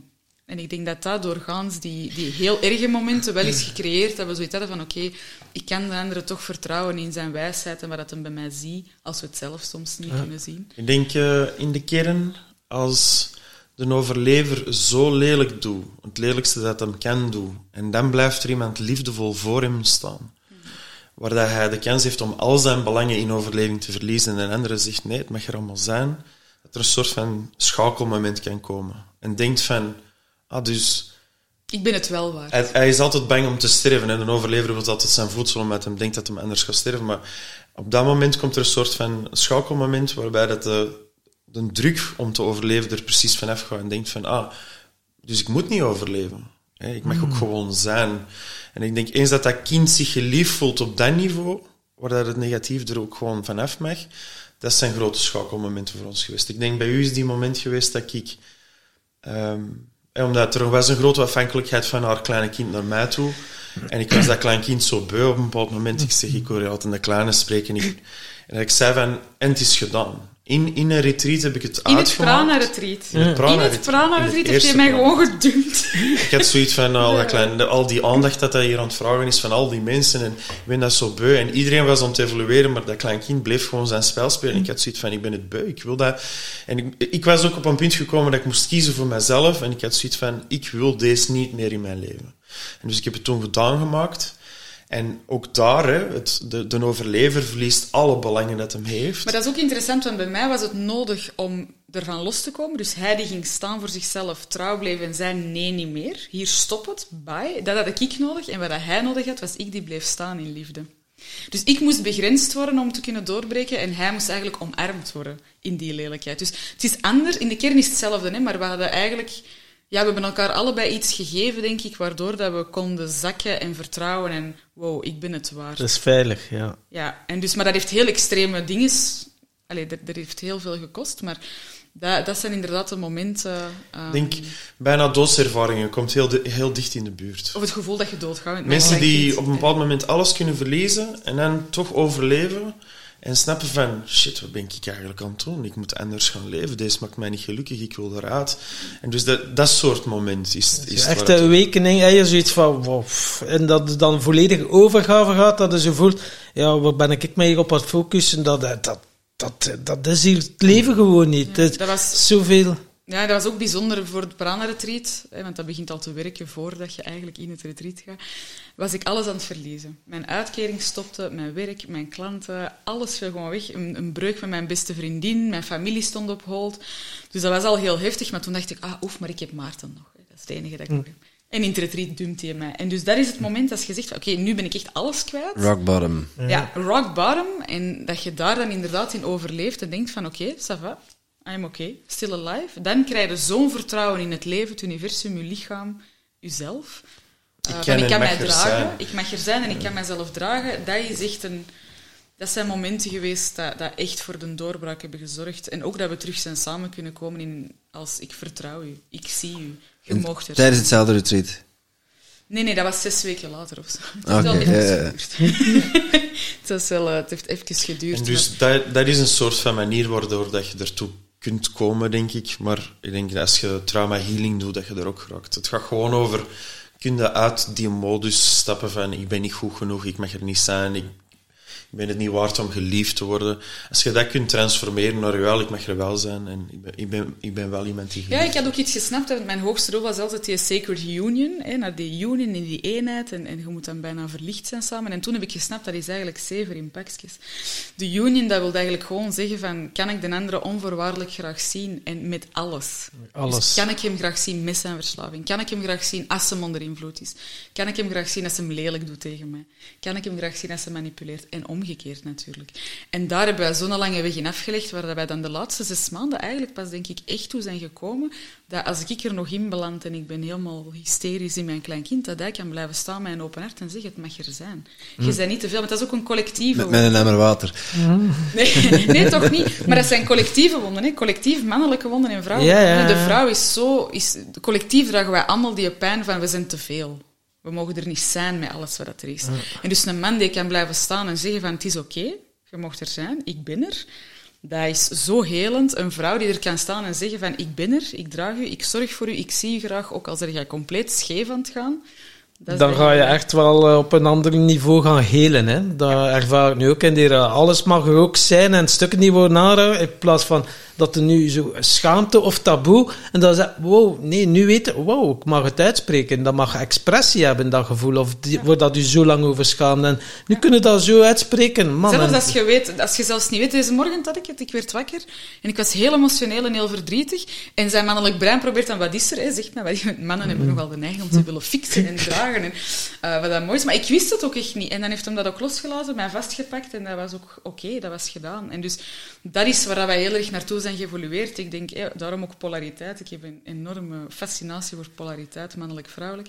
Omdat in het verleden ook die rollen zijn compleet misgelopen. Hè, met feminisme en, en emancipatie. En dus wij weten eigenlijk niet wat is het om man te zijn, wat is het om vrouw te zijn. Wij leren dat ook niet van onze ouders. Het mag ook niet meer tegenwoordig. Ja. Niemand vertelt ons dat. Van, wat zijn eigenlijk die, die oerkrachten? Wat zijn die talenten van man-vrouw? Het is allemaal gelijkheid en we willen hetzelfde zijn. Dat kan niet. Nooit. Je bent niet gelijk. Biologisch gezien kan dat. Gelijkwaardigheid is iets anders. Ja, we zijn gelijkwaardig, maar niet gelijk. Maar niet gelijk. En dus dat heeft mij zo gefascineerd. En dat is ook mijn pad het laatste jaren geweest. Van hem een beetje als muze te gebruiken.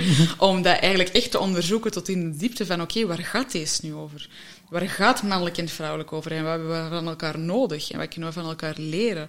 Wat is de grootste feminine practice en masculine practice? En hoe kunnen we elkaar vinden en begrijpen? Want zoals ik heel vaak zeg, we hebben heel lang uh, andere talen gesproken. Ik spreek sushi, hij Chinees, we verstonden elkaar niet, maar we hadden allebei wel zin in Aziatisch, weet je wel? Zo. We verlangen hetzelfde, maar we geraken niet tot dat punt. Dus dat was, dat was heel we hebben soms dagen en dagen gebabbeld en gebabbeld en elkaar niet vinden, om dan zo twee dagen later... Ah, maar jij wilt hetzelfde zeggen. crazy gewoon. Ja, echt mindblowing. Dus ik denk dat dat mijn grootste missie is om koppelwerk te doen en sacred union werk te doen. Van hoe kunnen mensen elkaar vinden en begrijpen? Hoe kunnen we snappen wat we van elkaar nodig hebben? En ik heb daar heel de collectieve wondes ook bij gevoeld en doorleefd. Dus ik heb niet echt geheeld voor mijzelf de laatste vijf jaar, maar ook echt collectief voel ik. Ik heb dat allemaal meegenomen. Dus vandaar ook dat ik heel goed mannen snap. Ik heb mij heel erg goed verplaatsen in mannen en hun pijn. En er komen vrouwen bij mij op sessie en ja, mijn man dit en mijn man... Ik zeg, ja, maar zeg jij dat? Zeg wat je nodig hebt. Zeg wat er speelt. Ah, nee. Ik zeg, ja, ze moeten het allemaal maar rekenen en weten en zien en hm. voelen. Maar zo, werkt het niet. niet. Maar zo werkt het niet. Dus ik voel ook de pijn heel erg van het collectief mannelijke. En waar dat jullie dus ook hm. allemaal zijn doorgegaan. Oh, we zijn ze zo zielig, hè? nee, absoluut niet. Maar er is een grote wonde. Er is, er is niks zielig aan, maar het is gewoon een hm. grote wonde dat we langs beide kanten hebben en dat we ook gewoon echt mogen helen. En ik denk dat wij, die het werk doen op dat vlak ook, dat, dat dat heel helend kan zijn voor de mensen die naar ons kunnen komen. Ja, en hoe ver staat u nu momenteel aan uw onderzoek van het mannelijke en het vrouwelijke? Tot wat mooie inzichten zijn al gekomen? Ja, dat, dat ik eigenlijk echt snap van wat dat er nodig is. Ik snap van hoe dat mannen in elkaar zitten en wat dat hun pijn is en waar dat zij niet gezien worden. En ik snap heel goed waar dat vrouwen in vast hebben gezeten of zitten en niet gezien en gehoord worden. Wat is zo bijvoorbeeld dus, de mannen onder pijn waar dan ze niet gezien worden? Beetje een uh. uniform, uniforme waarheid. Ja, kijk, het is altijd zo, hè, want mannen hebben een heel grote drang naar vrijheid, vrouwen hebben een heel grote drang meestal naar verbinding. En ik spreek nu in mijn vrouw, dat kan ook wisselen, het is gewoon de polariteit. Hè. Ja. Vrouwen heel erg een, een, drang bijvoorbeeld naar verbinding. En wat ik of wij heel erg hebben gesnapt, is dat verbinding zit hem in vrijheid en vrijheid zit hem in verbinding. Mm. En dus dat is iets wat mensen niet snappen. Dus als je kunt verbinden met iemand, daar zit enorme vrijheid in. Als je niet verbindt met iemand en daar weerstand op hebt, ga je ook die vrijheid niet krijgen. En dus dat zit heel erg, ja, dat zit heel erg bij elkaar, met elkaar verweven. En dus allemaal zo'n inzichten eigenlijk. Ja, en het wordt ook wel eens zo gezegd, het is meestal een relatie is, jij bent een halve cirkel, je zoekt een andere halve cirkel bij de, bij de partner, maar het komt er meestal op aan, ziet dat je eerst zelf een volledige cirkel bent en dan ga je ook wel een andere volledige cirkel aantrekken. Dat zeggen ze veel en dat is zeker een mogelijkheid. Hè. Meerdere wegen leiden naar Rome. Um, dus zeker, hè, het gaat inderdaad over die, die union met jezelf. Hè. Dat, je, dat je goed bent met jezelf, onvoorwaardelijke zelfliefde, ben ik het helemaal mee eens. Maar de weg om daar naartoe te gaan, je zou het pad alleen kunnen bewandelen van bewustzijn en helen hè, en alles, alles eh, in je omgeving gebruiken daarvoor. Of je doet het met je partner. Ja. En je geraakt daar ook. Dus er zijn eigenlijk twee manieren. Dus ik sluit geen singles buiten, ik sluit geen koppels buiten. Wij hebben nu gekozen om dat samen te doen, als koppel. um, om er zo te geraken. Uh, ja. Ik denk dat ik ook echt die spiegel nodig had, die, die uh, soms hele confronterende spiegel. Um, maar eigenlijk gewoon maar om tot bij jezelf te komen. Hè. Ja, en soms kun je inderdaad andere relaties al gehad hebben om tot dat punt te komen dat je dan een volledige cirkel aantrekt. Dat is zo'n beetje bij mij zo. Ik wel elke keer mensen tegenkomen om leegtes op te vullen, tot wanneer dan ook met Iboga en andere plant mee, tot wanneer dat je voelt, wow, ik heb het tegen mijzelf op te lossen om mij gelukkig te voelen. Niemand anders kan dat voor mij doen. En door dat dan los te laten en echt die, die volheid in mijzelf te gaan voelen, trekt, komt er dan ook iemand op je pad die dan ook al een volheid en ook al die watertjes heeft doorzwommen, waardoor dat je nu samen... Ja, en je trekt altijd de persoon aan die we spiegelen, is op, op hetzelfde niveau staat. Klopt. Exact hetzelfde niveau. En dus mensen die bij mij komen, die bijvoorbeeld zeggen van, ah ja, mijn partner dit en dat en hetgeen en ik sta verder, kan niet. Nooit, nooit. Mhm. Dus dan is de kunst van te gaan zien van oké, wat, wat, zeg ik over de ander dat eigenlijk iets over mezelf zegt. En dat is heel interessant, hè, want mensen hebben de neiging om heel snel met de vinger te wijzen en dit en dat en hetgeen en de andere en de andere. En dan is mijn plezier in het leven om de spiegel even om te draaien en te zeggen van nee, kijk, wat zegt deze over u? En daarmee aan de slag te gaan. Want je kunt relaties en je kunt gaan lopen, je kunt uit elkaar gaan, volgende relatie is juist hetzelfde, als je het niet aanpakt. je trekt weer hetzelfde aan, hè? Ja, ja het is dat. Dus voor mij is dat heel belangrijk. Negatieve, destructieve relaties, ja, uh, dat, is, dat is heel intens en je kunt daarvan weggaan, hè, in het mum van ik moet mijn grenzen trekken, ik ga voor mezelf opkomen, maar je zou het nooit hebben aangetrokken in de eerste plaats als het niet ook in u zit. Dus ik vind destructieve relaties het grootste cadeau dat er is ja. om mee aan de slag te gaan. Dan heb je inderdaad weer dat codependency, hè, de, de pleaser, en dan, uh, ja, die ken ik ook heel goed, die pleaser. heel veel dynamiek in, hè. Ja. Merk, merk dat bij jullie, bij jullie ook wel, hè. Jij, had, jij was dan verslaafd aan Maarten, en jullie, jullie zaten ook in een codependency-relatie. Ja. Uh, maar ergens hebben jullie elkaar ook nodig gehad om, om te helen. Uh, hoe zit het nu dan met de codependency? Naar elkaar toe. Ja, dat wordt heel erg geheeld. Natuurlijk, hoe meer dat je bij jezelf komt en hoe meer dat je, inderdaad, zoals dat jij er juist zei... Um... Hebben jullie dan niet een, een, andere vorm van codependency gecreëerd? Nee, we zitten veel meer in het stuk van vrijheid verbinden in vrijheid. Hè. Dus zo, zo, hoe meer dat je bij jezelf komt in dat authentieke, authentieke stuk en in die volheid van jezelf, hè, van ik heb eigenlijk niks nodig, niet een stukje chocola, niet een drank, niet een drugs en ook niet Maarten. En bij mij is er een heel groot stuk geheeld van mijn verlatingswonde, want ik had een gigantische verlatingswonde, tot op het punt dat Maarten s morgens vroeger opstond en mij geen kusje gaf, dat ik helemaal in stress ging. Volwassen vrouw van 33 jaar. Um, dus, dus dat was bij mij zo'n grote wonde. En wat dat voor mij heeft geheeld, is hij die mij heeft achtergelaten op het prana-retreat.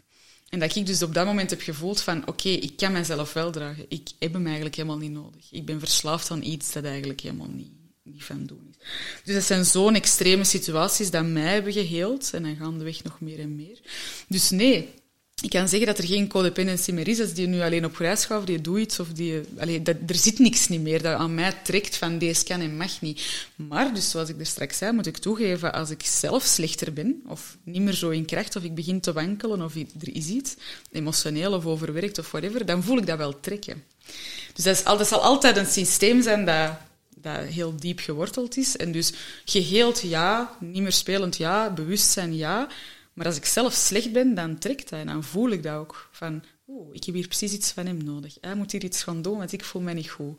Hm. Dan voel ik me trekken. En dan, maar nu natuurlijk meer en meer kan ik mezelf daaruit, allee, daaruit houden en daar niet op ingaan. En, en hoe doe je dat? Maken. Eruit houden als die een drang er is? Hoe, ah, wat doe je dan? Uh, gaan ademen of, nee, of iets anders? dan ga ik echt naar binnen en dan ga ik naar mijn kleinkind. En dan probeer ik die ouders aan te spreken van oké, wat heb je nu nodig? Wat heb je eigenlijk van Maarten nodig dat ik van mezelf nodig heb? En dan kan dat zijn van oké, uh, ik, ik heb die mannelijke figuur nodig, of ik heb opvang nodig, of stabiliteit. Of ik, ja. Dus ik ga eigenlijk naar binnen. Eigenlijk wat ik bij hem zoek, ga ik dan bij mijn eigen innerlijke vader. Dan moet je er wel heel scherp op zijn, want voor heb je zo'n punt van, oké, ja, nu ga ik naar mijn innerlijke vader, maar net die een seconde later zitten al in die emotie en dan kun je er niet meer naar terug. Nee, dan heb je zo van... dat gebeurt ook. Dat gebeurt ook, dat je er te laat bij bent. En dat gebeurt zeker. Maar dan heb ik natuurlijk de, de, ja, de chance nu dat wij daar zo open in zijn en die weg samen wandelen. En dan heb ik altijd Maarten die mij zegt, deze voelt niet goed.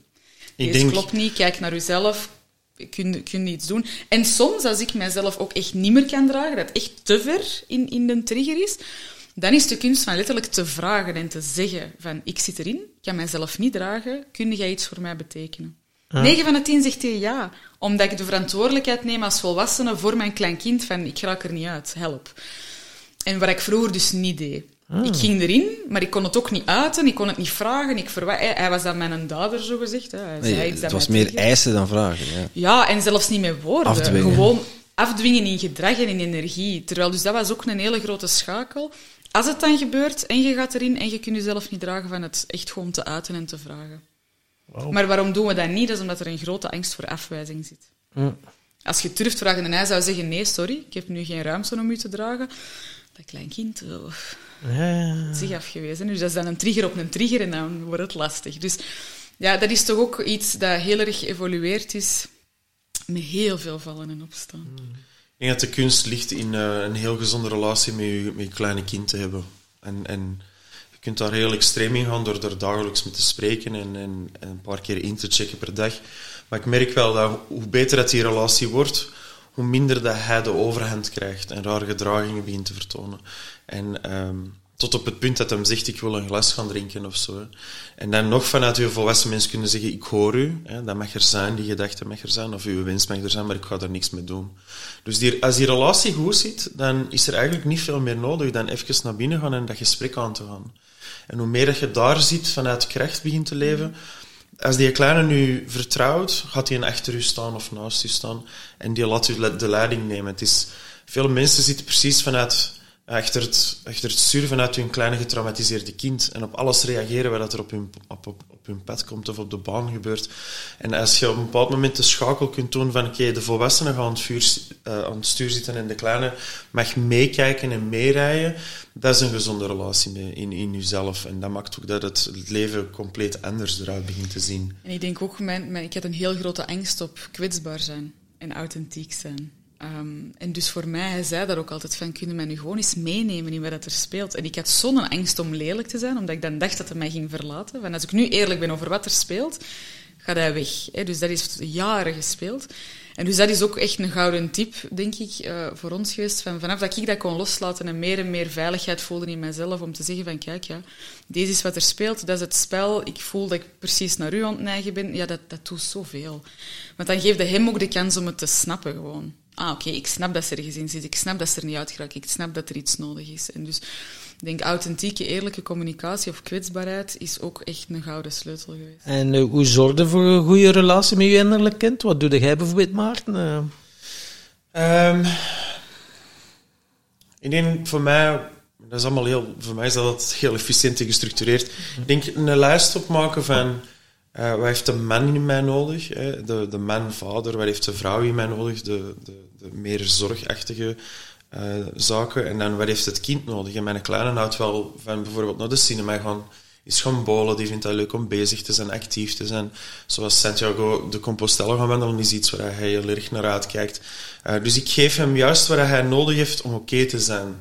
En hem verwaarlozen, niet zien, niet herkennen tijdens de goede en de slechte momenten maakt dat hij gewoon lastig wordt. Mijn kleine kind kan heel lastig zijn, die gaat in de macht, die gaat zijn zinnetje doordrijven, die gaat destructief beginnen doen om mij wakker te schudden van hé, hey, ik ben hier nog. Dus uh, lijstjes maken van ja, wat heeft de, man in mij nodig en de vrouw en het kind. Ik denk dat, dat als je daar een overzicht van hebt, kun je die zaken ook gewoon systematisch in je agenda zetten. En als je dat, we zijn nu een maandje in België, die lijstjes verdwijnen precies heel snel. Van, oh nee, we moeten dat doen en dat moeten. We langs een tandarts en langs een dokter en langs een boekhouder. Moet juist niet, ja. ja. En die kleine, en die kleine, is super die kleine begint zo stilletjes aan te porren. Hé, hey, wat is er aan het doen, vriend? Uh, wanneer, is het, wanneer gaan we iets leuks doen? En dus als je dat verwaarloost, kun je verwachten dat dat een week daarna is. Uh, ik wil gaan drinken. En dat je denkt, hè, van waar komt dat? Dus die dingen zijn allemaal om, om je wakker te houden, denk ik. En als je dat systematisch in je agenda zet en dat niet verwaarloost gaat er niks in je systeem uh, lastig beginnen doen. Of we gaan niet over vermoeid geraken. Wij zijn nu moe. Ik kan me niet herinneren dat wij de laatste maanden moe waren, terwijl wij reisden door. Wij deden veel. Het was allemaal niks was te veel. En nu hebben we drie weken gas gegeven, vanuit een soort van simpele overtuiging dat moet gebeuren. En dan zitten we weer ergens vast in een moeten, terwijl niks moet. Ja, we kunnen dat eigenlijk... Ik heb al gezegd, de volgende keer als we terugkomen, dan gaan we ergens anders logeren, we trekken onze plan en we doen niet meer dan twee dingen. En de rest is gewoon, zoals op vakantie, gewoon vrije tijd. En je, je doet dingen die je gelukkig maken. Hè. De meeste vragen soms wat te doen om gelukkig te zijn. Doe alleen maar wat je gelukkig maakt. Ja? En dan, veel mensen weten zelfs niet wat maakt mij eigenlijk gelukkig. Vanuit een overlever zijn dat meestal heel destructieve dingen dat je nodig hebt. Maar als het over de mens gaat en het kind in jezelf, wat maakt die echt Jezelf echt leren kennen was echt een grote voor ons. Van wat hmm. vinden wij nu, waar worden we echt gelukkig van? Ja, ja, maar dat is... Uh... Geef maar uh, antwoord Bij op mij is dat bijvoorbeeld schrijven. Ik word heel gelukkig van schrijven. Dat is mijn therapie, dat is mijn uitlaatklep, dat is mijn alles. Als ik een week niet schrijf, dan zie je mij dat doen. Hè. Echt downwards. Maar ook daarin gezonde grenzen vinden van, je kleine schrijft graag. Maar als ik mijn ogen open doe, s morgens iets aan schrijven en s'avonds als ik ga slapen, is er nog een schrijven. Dan, dan ook daarin gezonde grenzen. je kunt niet alles overdrijven, hè, dat is zeker. Ja, dus met je kleine kind, uh, daar ook een gezonde, gezonde uh, begrenzing in vinden. Ja, oké, mocht jij een uurtje morgens schrijven en s'avonds ook, maar niet meer... Binnen de lijntjes. Ja. ja, weet je, ik denk dat daar is het ook misgelopen. Hè. Ik heb mijn kleinen altijd vrij uit laten lopen en, en daar zijn enorm veel situaties uitgekomen die destructief waren. Ja, wij allebei. Gelukkig heb ik altijd de neiging gehad om daaruit te leren. Uh, hoe erg dat ook was. Dat is mijn redding geweest. Maar allee, als je die kleine had laten doen, was ik al tien keer dood geweest. We hebben eigenlijk als kind allebei nooit geen grenzen en structuren gekend. Geen opvoeding, geen, geen grenzen, geen wij, wij, mochten alles doen, vrij doen, maar jong. ik was om 12, jaar al aan het feesten in de petrol in Antwerpen, op een drankje en een drugs. En dan denk ik, ja... Dat zou, moest ik nu denken aan mijn eigen kind van 12 jaar. Ik zou never... Allee, zou, het zou zelfs niet marcheren, snap je? Dus ik denk dat wij zo... En ik, dat is gereflecteerd in alles. School ook. Er moest mij geen ene leerkracht zeggen wat ik moest doen. Ik was gewoon weg. Ik ben zeven keer van school veranderd. Dat, dat, en jobs ook. Hè. Ik heb alle jobs gedaan dat je kunt voorstellen. Mhm. Nee, marcheert niet. Autoriteit marcheert niet. Uh, priklokken, dat was ook iets waar ik allergisch aan was. Zo, alles wat dat dan... Ja, dat is een Je snapt wat voor een last. Oh, maar je had juist hetzelfde. Allemaal mooie printjes. Duidelijk, duidelijk moeite met begrenzen en jezelf begrenzen. Maar dat was dus het moeilijkste van ik ben nooit begrensd geweest, dus mijzelf begrenzen. En dat heeft ook gespeeld Heb je nooit geleerd. Ja. Mensen vroegen aan mij, waarom begrenzen jij die Maarten niet? Waarom zeg jij niet gewoon weg? Maar als ik hem begrens, wil dat zeggen dat ik mijn eigen moet begrenzen. Dus ik heb daar zo lang belangen bij gehad om hem niet te begrenzen en maar zot te laten doen. Ja, maar Omdat dat hij dat doorgaat, eer dat dat doorgaat, dat is het. Hè. Want vanuit het potje zie je het etiket niet, zeggen we nogal eens. Maar dat is, hè, je eigen blinde vlekken, dat is pas achteraf. En je kijkt erop terug. ja. Ik was mij al bewust van het belang. En dan denkt je van, ah ja, ja, je was je echt bewust ik ben, van... Ik ben me ah. lang bewust geweest van belang. Ik heb dat nooit willen toegeven of ah. willen zeggen, omdat dat is weer een lelijk stukje. En als ik het lelijke op tafel leg, dan stopt mijn spel en dan gaat hem lopen. Snap je? Dus ik heb heel veel... Ik ben jaren super bewust geweest van wat ik allemaal aan het doen was, maar het niet op tafel leggen. Dus waar hij hem het gevoel had dat ik super onbewust En hij voelde dat wel ergens misschien. Ja. Maar ja, anders had hem er niet geweest... Allee, anders had hem niet gebleven. Hè. Maar hij is wel heel... Dat, dat was heel frustrerend voor hem, omdat hij zoiets had van, hoe kun je nu zo onbewust? En dat kan toch niet dat je deze niet ziet, maar echt vertikken. Hè. Dan liet ik je monologen afsteken. Hè. Monologen met al de wijsheid en alle dingen. Dat ik zeg van, ja, maar ik weet deze allemaal. Dus ik was eigenlijk super bewust, maar het niet kunnen opbrengen om het te laten zien. Ja, dat er zoveel op zat. Ja. Schaamte, onzekerheid, verlatingsangst, er zit zoveel onder mij. Dat, en dus ja, het begrenzen daarin ook. Hè, want moest ik het allemaal op tafel leggen, begrens ik mezelf. Hè. Ja. Jezelf begrenzen maakt je dan eigenlijk gelukkig? Uh, dat, dat zorgt ervoor dat je kunt schrijven in gezonde proporties. Ja, tuurlijk, maar grenzen zijn liefdevol. Eigenlijk een, een, gezonde opvoeding geven aan het kind, daar waar wij ze niet begrijpt, is een heel grote uitdaging. En dus liefdevol begrenzen, want hij ook, hij heeft mij heel vaak begrensd in het verleden.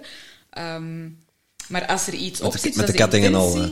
Als de, als de intentie niet zuiver is van de begrenzing, dus als er begrenzing komt en er zit iets van angst op, of dramaontwijking, of whatever dat erop zat, ik wals er los over. Hè. Ik respecteer die grens niet. Maar als de grens komt vanuit echt liefde en dat ik voel van hij gaat nu voor zichzelf staan en deze klopt, dan zal ik instant zwijgen. Oké. Dat is heel interessant om te zien, want het kan dezelfde grens zijn, maar het hangt er heel erg vanaf wat eronder zit. En nu gezegd, je zei ook even in België. Ik heb ook al gehoord, ja, autoriteiten doe ik niet aan mee. Dus uh, ja, mensen denken nu wel, ja, die zijn constant aan het reizen, maar die hebben toch wel een mooi leven. Hoe doe je het toch überhaupt? Of zijn er nog aan teren op uw erf, van uw erfenis of zo? Nee, dat is al lang erdoor. Nee, maar dat we eigenlijk...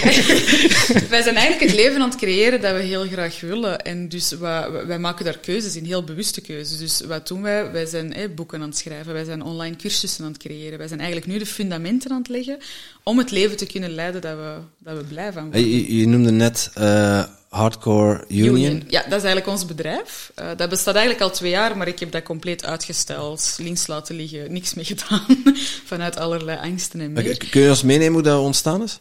Um, ja, twee jaar geleden had ik zoiets van, kijk, ik wil heel graag zelfstandig worden, of zelfstandig in bijberoep op dat moment, omdat ik dus niet meer autoritair of kan. En ik wou dus niet werken in de maatschappij, in een job waar ik heel ongelukkig was, waar dat er niet naar mij geluisterd werd, waar ik maar moest buigen en slikken van wat de bazen zeiden, dat, dat paste gewoon niet bij mij. En dus dacht ik, ik wil eigenlijk heel graag zelfstandig worden. En ik wist al heel vroeg dat ik, dat ik met koppels zou werken en met, over de union. En, um, ja, man-vrouw, polariteit en zo. Dus ik heb dat gedaan. Ik ben gesprongen, mijn bedrijf opgestart. Hardcore was dat toen nog, enkel hardcore. Maar er is eigenlijk niet veel, dat was ook nog niet het juiste moment. Mijn eigen energie zat nog niet goed. Ik was zelf nog door veel te diepe processen aan het gaan. Uh, dus dat bedrijf was er wel, maar zonder meer. En dan stilletjes aan zijn al die puzzelstukjes in elkaar gevallen, waaruit Hardcore Union werd. En ik dacht, ah, tuurlijk, Maarten moest er natuurlijk bij. Hm. Dus dan hebben wij eigenlijk hebben wij gesnapt dat, dat we kunnen heel goed kunnen samenwerken. Daar hebben we dan vijf jaar over gedaan, om te snappen dat we kunnen samenwerken. Je wist ook al hoe we elkaar tegenwerkt, op elkaar maar samenwerken ging ook bijzonder goed. Ja. En dus de dingen waar ik echt super slecht in ben, hè, zo bijvoorbeeld zo kan het ook, ja. praktische dingen. Hè, zo, dat is bijvoorbeeld, ik heb een rechtszaak lopen en ik moest daar van alles voor doen en ik stel dat dan maar uit, want mijn kop kan daar niet rond. En uh, waar ik dus acht maanden over heb gedaan, heeft hij even geregeld op tien minuten. Mhm. Dus dat zijn dingen, ja, wij, wij vullen elkaar eigenlijk supergoed aan. Hè. Ik op de creatie en inhoud en flow en hij heel erg op ja, praktisch vormgeven, brainstormen. Hij is fantastisch in dingen in de wereld. En, en het schijnt dat hij super efficiënt is. Super efficiënt ook, je kunt niet geloven, waar dat ik heel uh, nogal ja, vrouwelijk kan doorschieten. Mm. En dus ineens hadden wij zoiets, ik denk dat dat nog maar vier maanden geleden of zo is, dat wij zoiets hadden van, tja, deze loopt verdacht goed. Uh, dus ja, elkaars talenten inzetten, bundelen en beslist om dus samen in het bedrijf Hardcore Union uh, te stappen. En daaronder gaat heel veel. Hè. Dat is de boeken. Wij willen heel graag koppelretreats geven om dus koppels, wat wij dus hebben ervaren en doorstaan, om mensen daarin te begeleiden.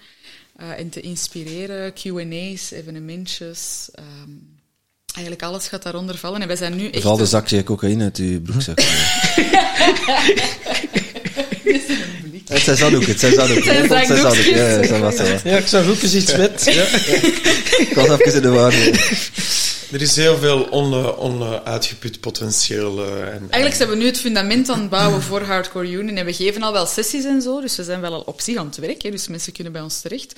Maar we zijn nu heel het aanbod aan herbekijken, prijzen. We zijn gewoon, we hebben ook een business coach en zo, dus we zijn... Uh, in de weg aan het plaveien. Ja, en echt het fundamenten wordt is de, de new religion, zeggen we dan, hè? Ja, hardcore union is de new religion. Zeer gedurfd. Ja, ja, ja. Want op religie zit heel veel uh, zwart. Er zit wel iets op, veel, ja. ja. Maar dus ik ben daar zo... Uh, ja, ineens kwam dat bij mij binnen en ik dacht van, dat is ook gewoon zo. Als we nu kunnen zien dat onze relaties gewoon een religie mogen zijn en... en dat je op die manier echt kunt geloven en, en groeien en doorbreken en helen, ja, dan zijn we Maar het is ook wel uh, mooi dat, je dat zegt. De relatie met jezelf is religie. Als je niet in jezelf gelooft... Ah, ja. je hebt een relatie met alles, hè, met je lichaam, met jezelf, met je partner, met je kinderen, met, met alles. Met je geld, met je missie. Dus de relatie loopt doorheen alles. En dus als je kunt zien dat die union... De inner union. De inner union, de hardcore union. Um, als dat uw religie kan zijn... Ja, mooi. Ja, maar het is ook wel mooi dat je samenwerkt en dat is de benefits dat je kunt hebben, het veld dat je zelf kunt zetten. Ik merk dat nu, we doen nu, hè, met, met Danielle, geven nu ook trajecten dat we samen uh, iemand coachen maar gecreëerd al een veld en zij is dan zo mee liefde. Ik dacht, dacht, dat hij over mij ging stoeven, meneer. Nee, nee toch niet. even wachten. Even wachten. Mocht straks de, de leidingen gaan. vertel, vertel lekker verder over, over uw nieuwe vlam. Eh, ga ik ondertussen in het toilet zien. ja, uh, wat ik dan wil zeggen, maar je creëert wel een veld. En de overtuigingen dat soms zitten in mensen, zij dan ook systemisch coachen en mee live the connection, kinesiologisch testen. Maar dat is ongelooflijk wat baanbrekend werk dat het doet. Ik ben opgeleid als NLP-master en hypnotherapeut. Maar als je krachten bundelt, dan gaat het veel... Ja, dan gaat het nog dieper. Maar dat hebben we dus eindelijk gesnapt, toch? Ja, ja, ja. ja. daar ben, ik nu, daar ben ik nu ook achter gekomen. We hebben nu zo'n stuk of twee, drie mensen dat we nu begeleiden. Maar die resultaten zijn verbluffend. Natuurlijk. Dat is ook wat wij heel erg willen. Hè. Zo de high-end. Je hebt heel veel mensen die coachen en begeleiden van A tot K, pakt. Hè. Van hm. begin bewustzijn tot. En wij voelen heel erg dat we van K tot Z willen gaan. Echt een beetje next level, omdat wat wij doen gaat zo snel en is zo efficiënt dat ik ja. Dat, maar dat is ook alleen maar natuurlijk voor mensen die echt willen werken. Ja, ja maar bij ons is het natuurlijk ja, wel het pure being, maar dan moet je wel bereid zijn om je shit te gaan kijken. Dus dat hebben we ook wel gesnapt van, wij zijn niet voor iedereen, waarschijnlijk. We zijn ook redelijk confronterend, maar ja, als je er voor open staat, dan is het Maar dat is het uiteindelijk. Uh, wilde er echt voor gaan en echt alles wat als, uh, als er niet voldoende motivatie is. Wat ik ook wel merk is, als je je energetisch gaat afstemmen wat dat die persoon nodig heeft, of wat dat die zielsmissie is, hoefde jij gewoon niet te motiveren. Want het is helder voor hen en ze weten perfect, oh, ik moet die richting uit. En dus moet jij niet begeleiden of coachen. Dat is, dat, dat, dat, dat, dat, dat is geen fuck waard. Het is, het is hoogstens een beetje ondersteunen, een spiegel voorhouden en als je erin durft kijken, zijn ze vertrokken. Voilà. Ja. Wij willen ook geen mensen afhankelijk maken van ons, hè. allerminst. Je wilt eigenlijk mensen op hun pad een duwtje geven en dat ze zelf verder kunnen natuurlijk. Hè. Dus nee, helemaal in mee. Ja. Ik denk dat dat ook onze grootste wens is, om zo'n soul client groep uh, te, kunnen, te kunnen creëren, een soort tribe. Um, maar dat is het die het tot een nieuwe religie willen maken. Hè. Maar je ziet nu ook wel, ja, de, de mensen worden, ja, de hartsconnecties die je nu maakt met mensen die ik een paar maanden geleden gewoon nog niet kennen, is eigenlijk ongelooflijk. En dat al direct tot een, een diepte komt, terwijl dat de jaren maar kijk, zit nu, Timothy zit naast mij jaren hebben zo'n oppervlakkige relatie. En dat, oké, het, het, hoort erbij. Ik heb hem nodig voor een techniek voor die podcast, want anders zou het niet lukken. afhankelijkheid. Hij is te lui om die knop zelf op dat knopje te duwen. Nee, maar eigenlijk mogen we ook wel zeggen, dat die drie of vier jaar dat we elkaar kennen, ja, dat is ongelooflijk wat dat alles al in beweging heeft gezet. En ook al heel veel dingen in de wereld gedaan eh, of gezet, maar dat dan toch niet stroomt, dat toch weer iets is. Oh, even naar binnen keren. Oh, we hebben hier zelf nog stukken aan te kijken. Wat zit er nog tussen? Tot wanneer dat het gewoon kan stromen. En nu zitten we ook wel eens op dat kantelpunt uh, met onze podcast. Nu geloven we eindelijk, ja, dat is hier onze zielsmissie. Onszelf en anderen inspireren, maar via podcast. En dat is uh, een medium dat we, ja... deden we altijd al, hè. Het zat er altijd, die, die, die flow zat er altijd wel al in. Maar, maar next level gewoon, hè. Ja, ja. inderdaad. Tot wanneer dat mensen zeggen, wat, Golde weet niet wat dat creëert als je samen zit, dat is ongeloof. Wij we zitten gewoon, we bereiden ons de, de niet voor. Mensen, en, uh, de juiste mensen durven aanspreken en, en als je het voelt, voelt. Ik heb dat ook gedaan met mijn moeder over de prana. Hè. Ik zat zelf nog maar juist in het proces, hè, zo echt een groentje. En ik zei tegen haar, ik wil samenwerken, ik wil retreats gaan doen. Zij heeft daar gevolgen gevolgd. Ze zegt, ja, het is goed. En kijk nu. En, kijk, en, en nu zijn we in Ibiza in Portugal. Ja, en nu, het is heel grappig, want kijk, mijn buurvrouw, normaal gezien ging ik ook bij die is nu net van de retreat van ja. Amudra. Dus dat was er een... Uh, maar dus is maar ja, gevoeld, gevoeld echt dat je... Uh, Amudra, ja. Amudra. Niet Amudra, ja. Die, die verwarring is er nogal vaak. maar dus nee, dat is echt zo. Als je echt voelt van met deze mensen kan ik iets creëren en, en kunnen we gewoon next level gaan, gewoon doen. Ja, ja, ja, ja. En daar hoeft inderdaad niet te lange studieronde bij te hebben. dat is instant gevoeld en wow, ja. Maar we hebben wel gezegd, uh, of ik herken wel iets, dat je zo wat ik doe of wie ik ben, is zo normaal voor mij dat je niet goed altijd beseft wat je bijdrage is of kan zijn. Zoals jullie zeggen, het voelt zo natuurlijk en normaal. En we hebben nu een Q&A gedaan en ja, moeten wij gewoon onszelf zijn. Ik snap ik ook niet dat ik speciaal Ja, maar dat was echt grappig, want ik had het idee van ik wou op 22, 11, 22, ik heb iets met cijfers. En ik wou dus een Q&A om ons voor de eerste keer te laten zien eigenlijk. En Maarten was nog zo van, goh ja, maar ik heb nog geen boek en er is nog niks hm. en ik ben nog bezig en ik heb niks te bieden. En ik had zoiets van, alsof dat hij zelf niet genoeg is. Weet je, zo. En nu dat we dat gedaan hebben, zie je dat ook. Hè? Mensen haken daar heel erg op in. Dat gaat gewoon over jezelf zijn, inspireren, authentiek zijn. Het gaat niet om de boeken. Ja, nee, en je moet dus niks aanbieden. Je moet zelfs niks verkopen. Nee. Het, is, het is gewoon mensen inspireren met wie Maar het is daar gewoon jezelf zijn, waar, waar, je dan zo lang naartoe gewerkt Nu is er gewoon jezelf. En dan is het volgende, wat wil ik ermee gaan doen, met dat ik mezelf ja. nu zijn. Hè. Uh, heel dat overlevingsproces en daaruit geraken heeft zoveel van mij gevraagd. Natuurlijk, eens dat je het overleving bent, begint het te leven. En het leven brengt je ook nieuwe situaties en uitdagingen en keuzes, waar je ook... Uh, anders instapt. Hè. Je, je, de dingen veel meer gevoelsmatig af. Het is veel minder vanuit een overtuiging, ik moet natuurlijk. Uh, maar dat is, dat is uh, omdat het, het, voelt, het voelt klaar, het voelt alsof wij er klaar voor zijn om, eh, in één jaar heel veel naar buiten te brengen en ons daar aan te zetten. Ehm, maar het is ook nieuw. Het is een onbekend terrein.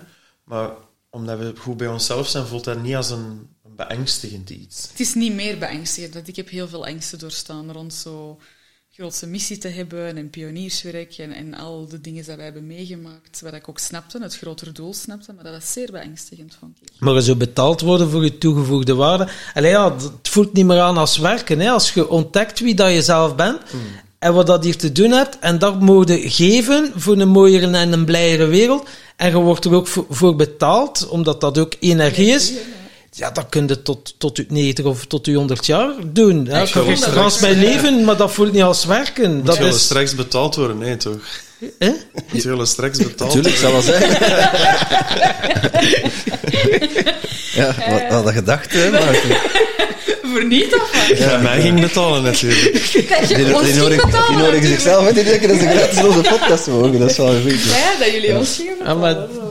Ziet, die kleine, werken, die kleine lettertjes, dat werkt. Je neemt dit al lezen. ik heb niks gelezen, ik weet niks, niks getekend. Nee, maar het is inderdaad waar wat je zegt. Is, uh, voor mij voelt dat ook zo. Hoe meer dat ik dagelijks kan bezig zijn met waar dat mijn hart blij van wordt, hoe minder het voelt als werken. En hoe meer geld dat er ook uit voortkomt. Ja, want... het, is gewoon moeiteloos. En, uh, wat, voor mensen trekken jullie aan? Want ik, ik hoor net koppels, uh, singles, maar goed, er zijn ongeveer 7 miljard mensen. ja, het is wel zo van onze, onze workline hè, van koppelwerk. Ja, dat sluit heel erg aan bij heel veel mensen die vastzitten natuurlijk. Maar ik was net aan het zeggen tegen, tegen Tom dat wij heel graag wel mensen willen. Eigenlijk de enige vereiste dat er is, is echt een grote commitment hebben. Een grote commitment van ik wil, ik wil verder, ik wil hierdoor. Wat dat de gevolgen ook zijn. Dus als het ontwricht wordt, als het mooi wordt, als het lelijk wordt, ik pak het er gewoon bij, omdat ik hier echt door wil. Dus die commitment is denk ik heel belangrijk voor ons. Ehm, en dus ja, wij, wij, voelen dat wij ook een beetje next level werken. Hè. Dus de mensen die net beginnen aan hun bewustzijnspad, hè, die van A tot K kunnen gebracht worden, dat is niet voor ons. Wat wij graag zouden doen, is van K tot Z. Ja, maar de koppels die, die ergens een keer ja, ik wil hebben gezegd, dat, dat is misschien wel al uh, heel hoop aan vooraf gegaan voor ze nog een keer ja, ik wil zeggen tegen jullie. Ja, ja dat is niet, niet altijd vanzelfsprekend. Hè? Nee, natuurlijk. Tuurlijk. Dus ga, de mensen die op ons afkomen momenteel zijn wel mensen die, ja, ik zeg het, die al bewustzijn hebben, die een commitment hebben. Maar ik denk dat we die dingen ook altijd duidelijk gaan doorcommuniceren van, zie, deze zijn wij. Er is 70 jaar aan diepgaande kennis. Um, trucjes en spelletjes werken niet bij ons. We zijn redelijk confronterend. Het verhaal van uw overlever boeit me eigenlijk geen zak. Ik wil met de mensen in u aan de slag. En het is wij zijn niet voor iedereen. Het is een nee. Ja, wij zijn zeker niet Wij voelen niet dat, dat wij ons nog moeten aanpassen aan, aan, de, aan de taal van de klant. Dus je komt naar ons omdat je weet welke taal dat we spreken, denk ik. Ik denk dat dat heel belangrijk is. En dus een soort van high commitment is nodig gewoon. Het gaat heel snel, het gaat vooruit. Um, en dat zie je als een cadeau waar je je leven kan transformeren. En of uw overlever wordt er onnozel en lastig van en vindt, 50, uh, vindt gewoon 150 euro te veel per sessie. Uh, um, en die zegt van, ja, nee, dank u, daar komt het dan op neer. Dus. Maar de mensen die, die echt willen, die gaan ook dat geld gewoon neertellen, omdat ze snappen dat ze er veel minder van nodig hebben dan vijf jaar in therapie gaan. Wij hadden eergisteren een, een, uh, een sessie met iemand en die had tranen in haar ogen en ze zei van, ik ga al jaren naar mijn therapeut. En mhm. deze één uurtje brengt mij meer dan vijf jaar therapie. Is... En dan denk ik, daar gaat het dan over. En dat zijn de mensen dat we willen. Dat zijn de mensen die zoiets hebben van, ja, kom, let's go. Uh, we gaan diep, uh, we stellen ons open. En het pad hoeft niet zo lelijk en zwaar en, en, intens te zijn en destructief als dat van ons. Dat is waarom dat wij dat zijn voorgegaan, om al die hoekjes en kantjes te kennen, om het direct te kunnen doorprikken bij anderen en dat mensen Je kunt direct inderdaad al zeggen, hè, als ze dan eens afkomen met verhalen, kijk eens naar de gast, geloof ah, dat Ik geef zelfs de ruimte aan. Ik, hij weet dat, hè. ik geef daar zelfs geen ruimte aan. Ja. Dat als mensen beginnen te spreken, ik heb ook geen tijd om, mijn tijd is kostbaar en een tijd van de anderen is kostbaar. En ik zeg van, nee, ik, er, hier gaat het niet over. Ja. We, gaan, we gaan wat dieper gaan. We gaan ja, ja, ja, En dat combineerde dus ook mee reizen, want je bent van plan om elk continent uh, uh, ja, dat is het plan. Dus uh, wij reizen dan drie maanden een continent door, om dan een maandje thuis te zijn, om dan toch een beetje te werken. En zo meer aan het fundament te bouwen en wat retreats te geven. En dan zijn we dus terug drie maanden weg. Maar in die drie maanden, we hebben dat nu gezien, we zijn een eerste kwartaal weg geweest naar Afrika. Er gebeurt ook zodanig veel in. Ehm, wij komen onszelf nog tegen, wij groeien. Uh, er wordt heel veel fundament gelegd voor het bedrijf ook. En dus wij, ja, ik weet ook niet van waar dat idee eigenlijk is ontstaan. Het is werken aan onszelf, maar aan de relatie, aan, aan dat waar we in de, wereld willen zitten. Ehm, en tegelijkertijd ontmoeten we gewoon allemaal leuke mensen die afstemmen op uw energie. Dus heel veel leuke connecties. We hebben een passie voor reizen. Heel erg uw hart en, en, en dat waar je echt nodig hebt proberen te manifesteren en, en door te voeren. Ehm, en deels is het gewoon ja, werken, maar ook gewoon ontspannen en plezier maken. En dat op een budget. Daar moeten we dan wel bij zeggen, want er straks was er even de vraag van hoe doe je dat dan financieel? Um, er wordt gewerkt en er worden retreats gedaan. En dan uh, we gaan ook beginnen met online.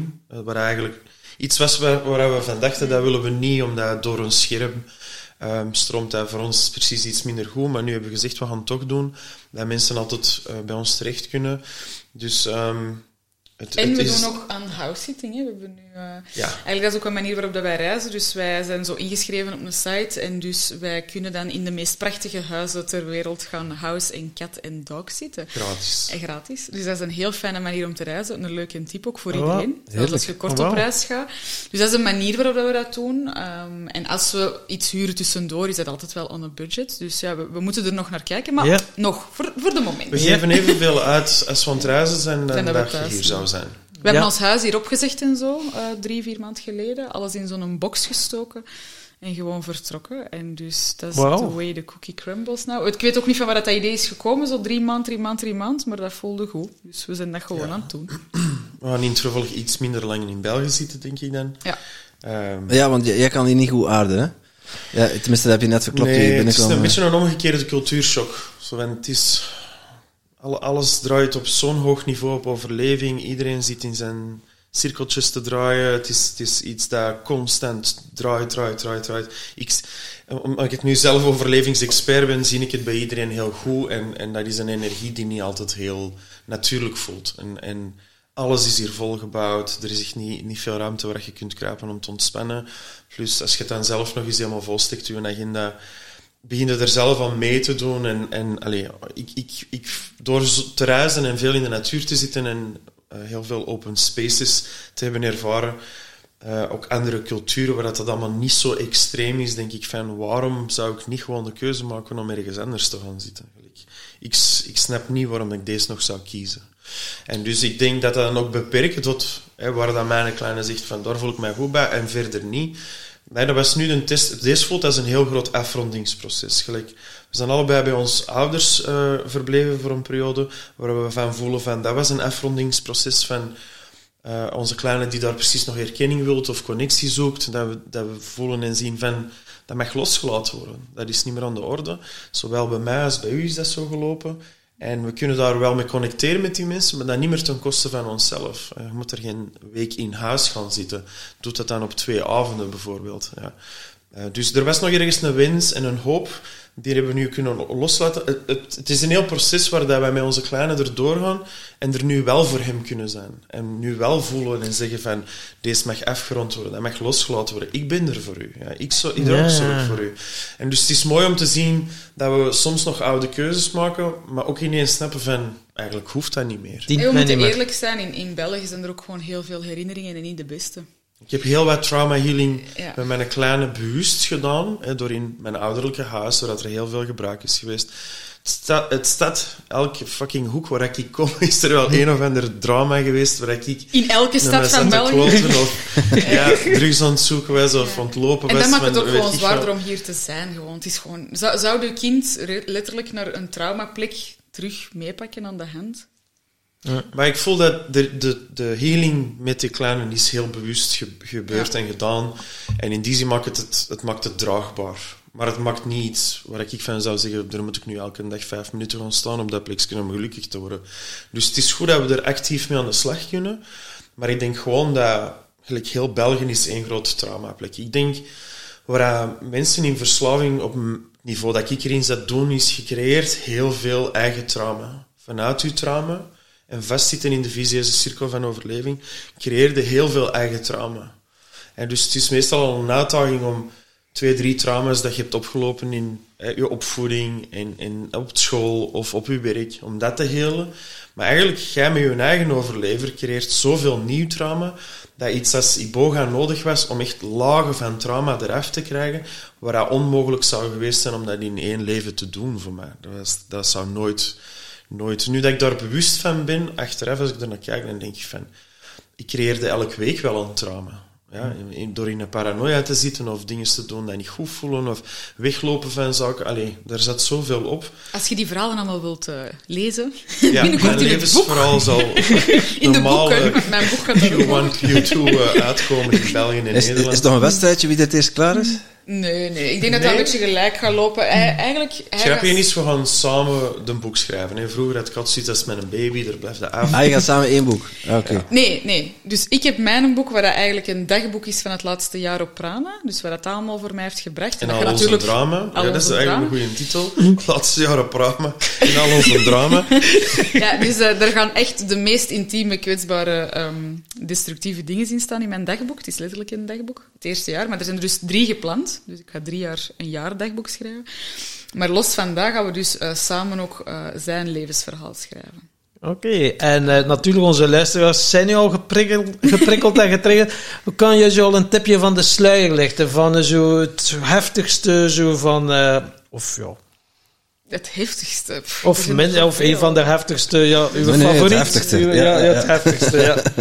Niet toegeven. ja, de, wat dat toch een van de, van de laatste jaren hè, de, toch een stevige was, was die psychose, waar we het er straks over hebben. Ja. Dat was toch echt een hele diepe, uh, ook langs mijn kant, dus niet alleen voor hem, maar ook voor mij. Um, hoe diep dat we daar zijn gegaan en wat het er toen allemaal gedefragmenteerd is eigenlijk, was heel bijzonder. En ik beschrijf dat dus helemaal in detail. En ook dat hij mij, uh, het besef als hij wakker werd van oké, okay, ze staat er nog en ik ben het waard en ik ben graag gezien. Op dat moment heeft hij mij ten huwelijk gevraagd. Wow. Uh, dus dat was een heel, heel diepgaand emotioneel moment. En dat wordt dus helemaal uit de doeken gedaan. Dat is een voorbeeldje, maar zo hebben we er wow. zoveel dat het echt een aaneenreiging is eigenlijk van uh, Ik denk dat, allee, zulke verhalen. Het levensverhaal is situatie na situatie na situatie na situatie. Maar ongetwijfeld ook heel herkenbaar voor heel veel mensen. En ik denk, denk dat dat een mooi iets gaat zijn, is dat mensen zich um, makkelijker kunnen herkennen in iets dat zwaarder en meer destructief is. Maar toch denk je van, ah, doe ik dat ook niet? Of ben ik ook niet iets in die aard aan het doen? Ben ik misschien de light versie aan het ja. doen, bijvoorbeeld? Ja. Maar ik deel ook veel verhalen op, op Facebook uh, van, eh, zo, allee, uitvergrotingen. En dan zie je al hoeveel mensen dat er eigenlijk op reageren van ah, oké, okay, je hebt dat ook. Ah ja, oké, okay, ik ben niet alleen. Zo de, de, de opluchting van de erkenbaarheid van oké, okay, ja, die heeft ook een kronkel of deze is ook gebeurd. Of mensen denken altijd dat ze, dat ze ja, alleen zijn in zo'n dingen. Of oh nee, ik had ook een lelijk kantje van. Of, of ik heb ook vroeger gemanipuleerd. Of ik heb ook mijn lichaam ingezet om seks te krijgen. Het is een stukje bewustwording. Hè? Ja, dus, Vanuit het potjes die het etiket niet valt vaak in deze podcast. Ja, ik denk dat wij zeer authentiek en oprecht en eerlijk naar buiten willen treden om anderen ook de kans te geven om te snappen van die shit is het. Ja, deze ja. is het, gewoon, het, mag heel ruw, het mag heel ruw en lelijk zijn, maar zolang dat authentiek is. Het komt vanuit de juiste plek, alleszins. Ja. Ik heb geen enkel intentie om mensen te choqueren, eerder om uh, iets aan te reiken. Van, hier kun je het zal ongetwijfeld wel gebeuren. Ja, ik zeg, er zal wel ongetwijfeld wel shock-effect in zitten. We hebben onlangs zelfs een vrouw gehad die zei, ik ga het niet lezen, want ik wil jullie beeld, beeld van jullie niet ontwrichten. Dat is ook eerlijk. Maar ongetwijfeld, um, er komen uitdagingen op ons pad, daar heb ik al was iemand die ons contacteerde om te zeggen, um, zeggen ga eens spreken over Maarten, die is vreemd gegaan. En, uh, en, uh, en uh, dat was duidelijk iemand met slechte intenties. Ik zeg, ik ken die niet blokkeert hij maar. kende die niet, kende die niet. ik zeg, ja, ik vond dat heel interessant. ik vond dat heel interessant, omdat zij inderdaad heel, heel persoonlijk is. En dan gaat het spreken over Martens bedrog. Dus ik dacht van, huh, ja, kent ze die? Is dat iemand van het verleden of niet? Maakt niet uit. Dat triggerde mij niet zoals het vroeger zou gedaan hebben. Maar waar ze zei van, ik snap niet dat je daar nog mee samen zei, na al het bedrog. En waarom dat je trauma, banding verkoopt als healing. En dat vond ik zodanig interessant, dat ik daar dus een hele post over heb gemaakt. Uh, maar dat krijg je dus ook dan, hè, mensen die vanuit ja, eigenlijk willen stoken en, en iets hè, willen overbrengen, vind ik heel interessant van oké, okay, hoe kijken mensen daarnaar? Hoe kijken mensen naar die destructieve relatie? Welke oordelen zitten erop? Welke meningen? Welke, hè, ik verkoop natuurlijk niks, hè, ik deel alleen maar ons pad en onze weg. En dus het is heel bijzonder hoe dat mensen denken dat destructieve relatie is destructief. Klaar, er moeten van weg, zo snel mogelijk.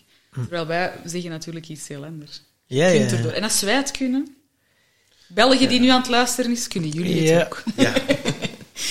ja. het klopt inderdaad wel. Dan in hoeverre ben je zelf... Er moet gewoon bereidheid zijn. Ben je bereid om naar die stukken te gaan kijken die fucking veel pijn doen? En, Want ik heb ook een vrouw die bij mij is ingestapt en die had zoiets van... Ah ja, maar ik moet mij echt begrenzen en dat is mijn les en hij doet mij pijn en hij doet dit en dat en hetgeen. En ik zeg... Waarom is die in uw leven? Waarom reageer je daar zo fel op? En zij denkt dan dat de les zit in ik moet, mijzelf ik moet het begrenzen, maar daar zit de les helemaal niet. De les zit in wil ik zien wat dat zegt over mij. Ja.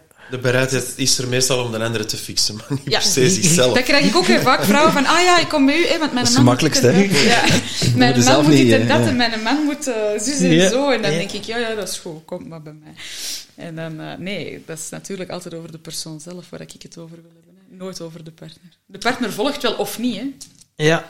Zeggen ze. Ja, ja, want als je het inderdaad gaat leggen buiten jou, of dat dan aan een situatie, of dan die een persoon is, ja, dan kun je het niet oplossen. Dan, uh, dat is, is makkelijker dat, uh, voor een overlever. Het is makkelijker om dan een andere te wijzen dan naar jezelf te wijzen. Ja, want uiteindelijk, ja, je binnenwereld, dat, uh, je buitenwereld is een projectie van je binnenwereld.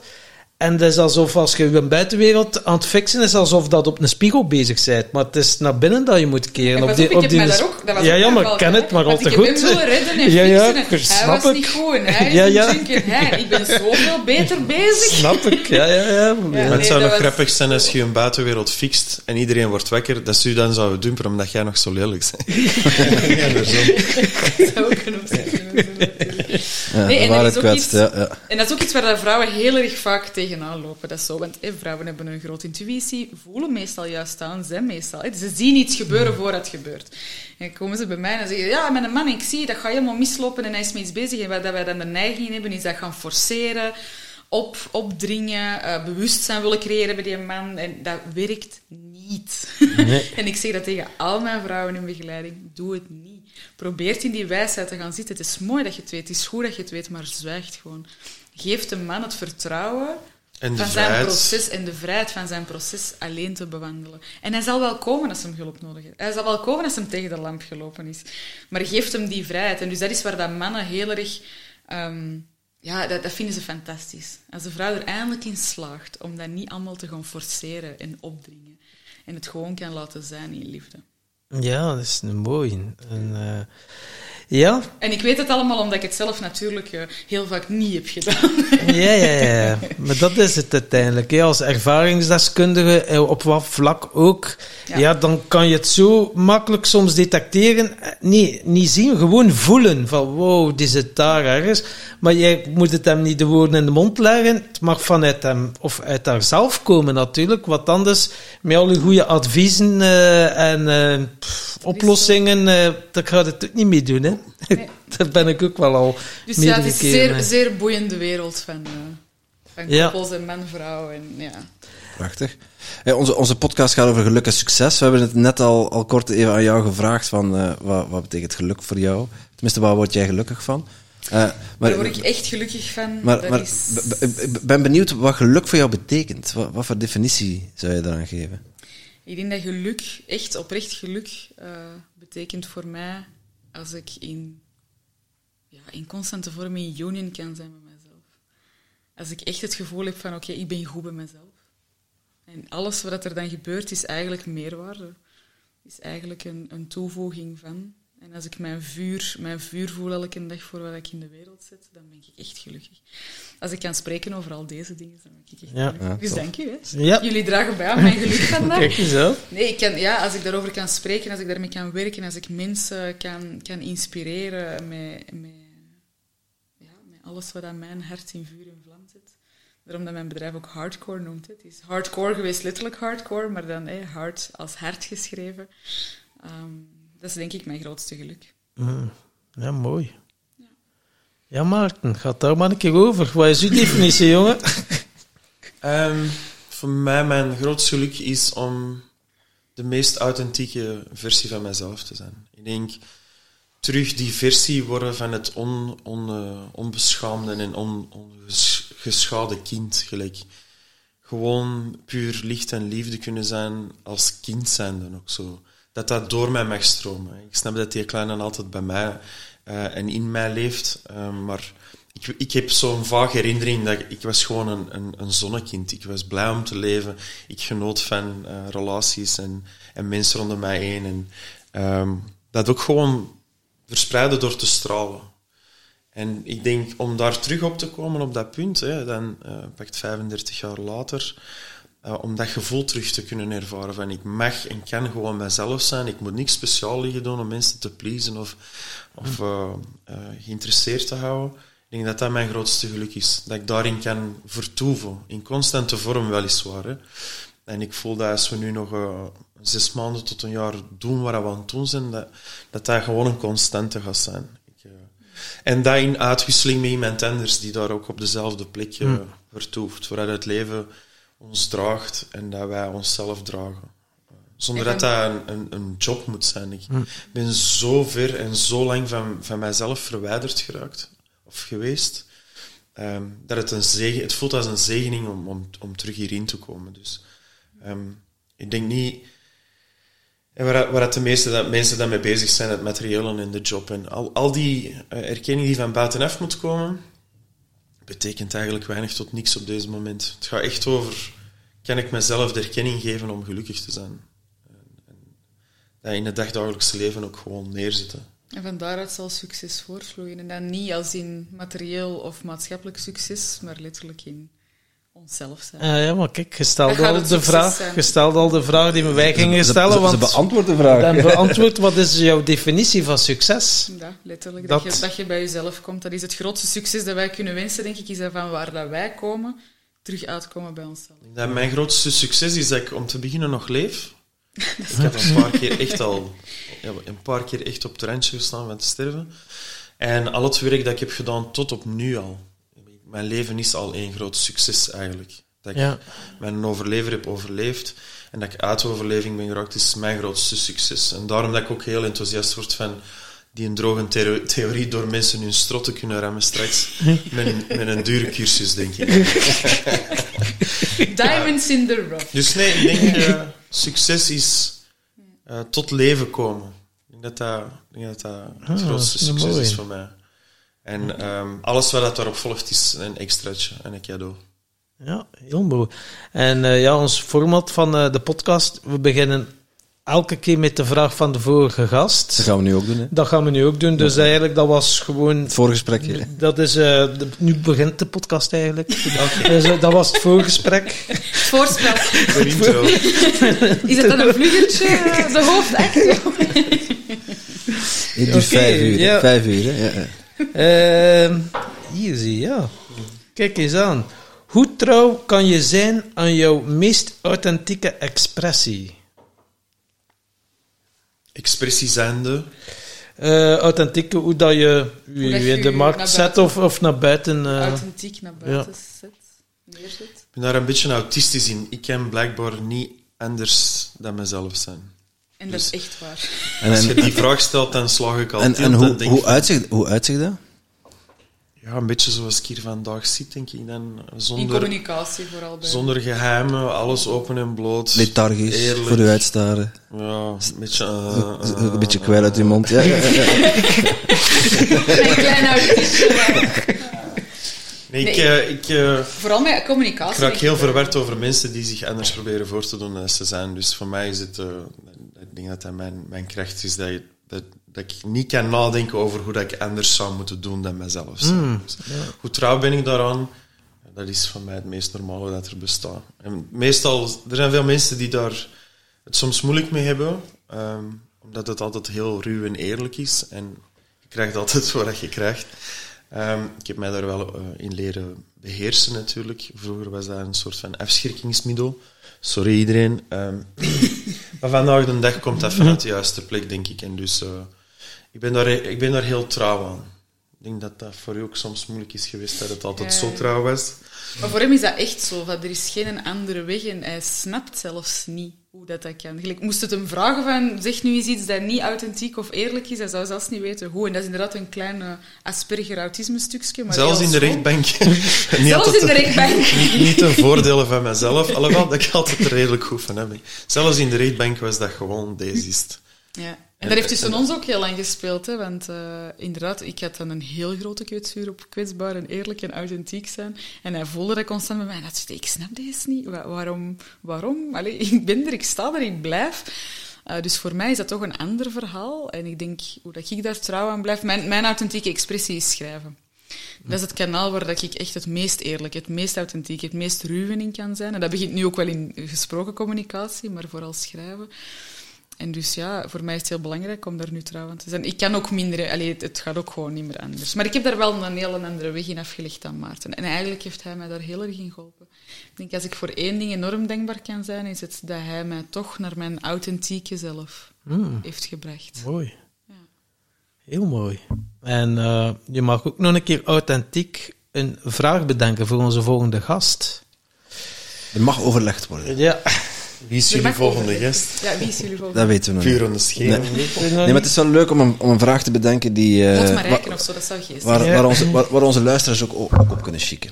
Ja. Op kunnen chicken. Dat Gens accent. Vrijwijs. Chicken. Ik ben geen Gent, nee. Hè. Ja, maar ik hoor toch een beetje Gent. Een beetje Gent. Met non-slap krijgt ze vlooien. Ja, Sorry, belediging. Dat is nee, hoor, zeker niet. Dat is een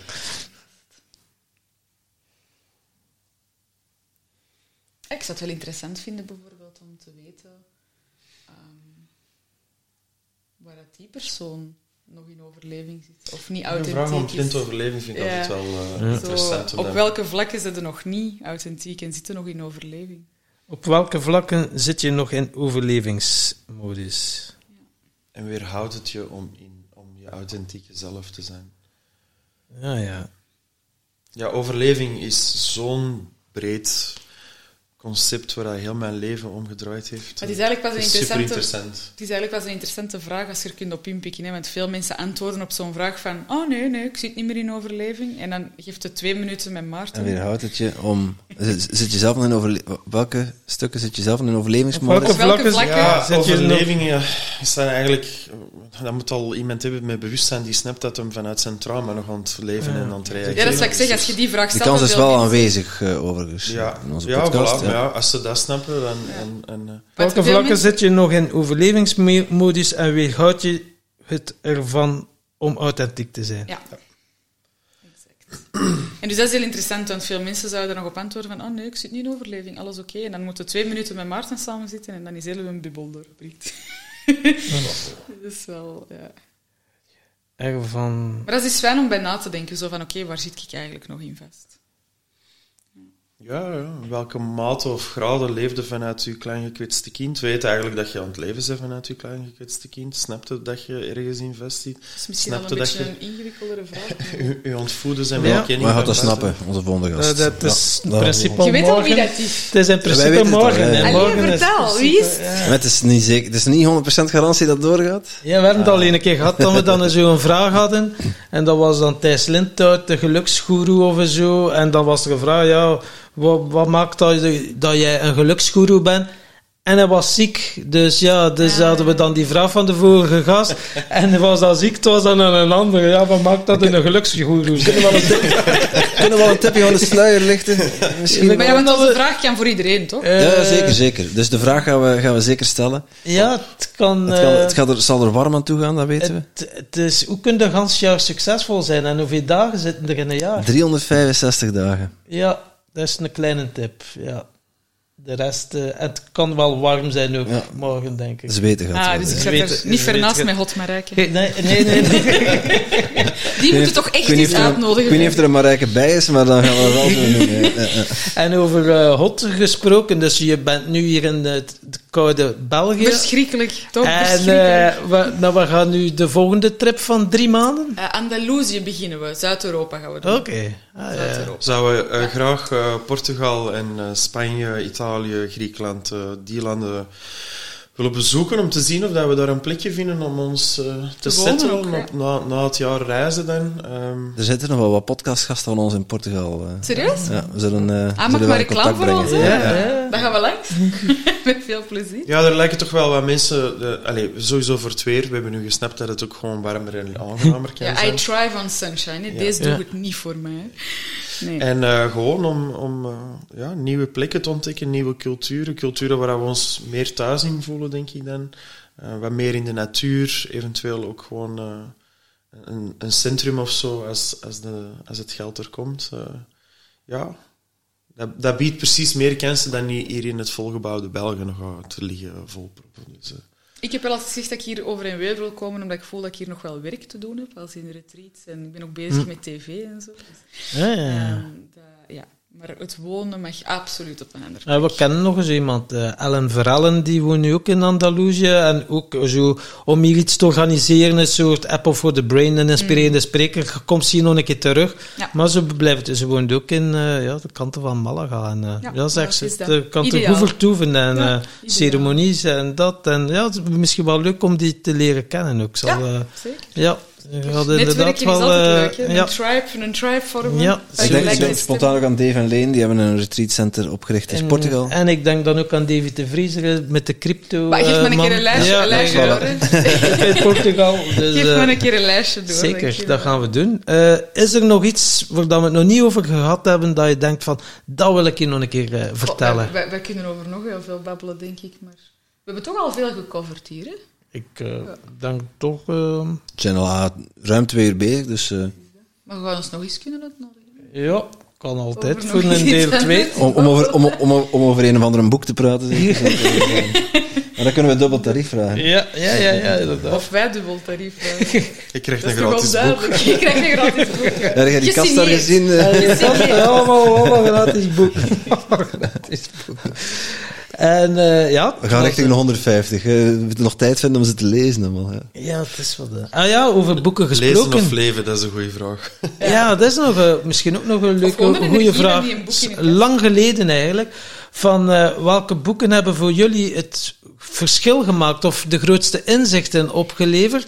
Als je zo in het persoonlijk ontwikkelingslandschap dat zegt, wow, geef misschien een top drie van boeken elk. Uh, jullie top drie van boeken, dat we wow, dat heeft voor mij... Als iets toegeven, denk ik, is dat wij absoluut geen grote lezers zijn. Oké. Okay. Wij zijn grote schrijvers, maar geen grote lezers. Ik geloof dat het leven de uh, meest interessante en belangrijkste boek is om te lezen. En dus ik um, denk dat ik mij wel eens gewacht heb aan een boek maar ook gewoon om te snappen dat dat een soort van outsourcing is en dat het gevaarlijk is om informatie in je hoofd te steken. Als het dan niet doorcijpelt naar je gevoel, verandert er niet echt iets. Als dat je geeft... ego leest of je mens leest, is een groot verschil. Wie leest het? Het is leuk om informatie op te doen, maar als je er dan niet mee aan de slag... Meestal creëert het een soort van... Ah, maar ik ben keihard aan het werken, omdat je de informatie opdoet. Maar als dat dan niet doorcijpelt naar... Ik ga het toepassen in mijn, in mijn lichaam en in mijn leven dus nee, ik heb mij er niet aan gewacht. Ik, ik heb een heel sterk hoofd met heel veel technieken um, die daar ongetwijfeld uh, dat misbruikt. Dus ik heb mij er nooit niet echt aan gewacht. Ik denk, ik, ik ben wel eh, fan geweest van uh, Edgar Tolle, de, de audioboek, The Power of Now. Mm. Uh, omdat dat een bepaalde periode in mijn leven toch heel veel heeft gedaan door dat constant in de auto te draaien. Dat heeft mij wel verdieping gebracht van, van waar het allemaal over gaat. Dat is zeker. Maar eens dat ik die heb afgezet, dan was de verdieping ook wel weer terug en nu een lijntje. Ja. Ja, Paulo Coelho vind ik een heel inspirerend uh, schrijver. Dat moet ik wel eerlijk zijn. De Pelgrimsweg. En... Uh, hoe noemt hij een boek? Uh... Alchemist? Ja, de Alchemist. Ah. ik vind het heel leuk om boeken te lezen waar mensen in een soort van avontuur en proces tegelijkertijd belanden.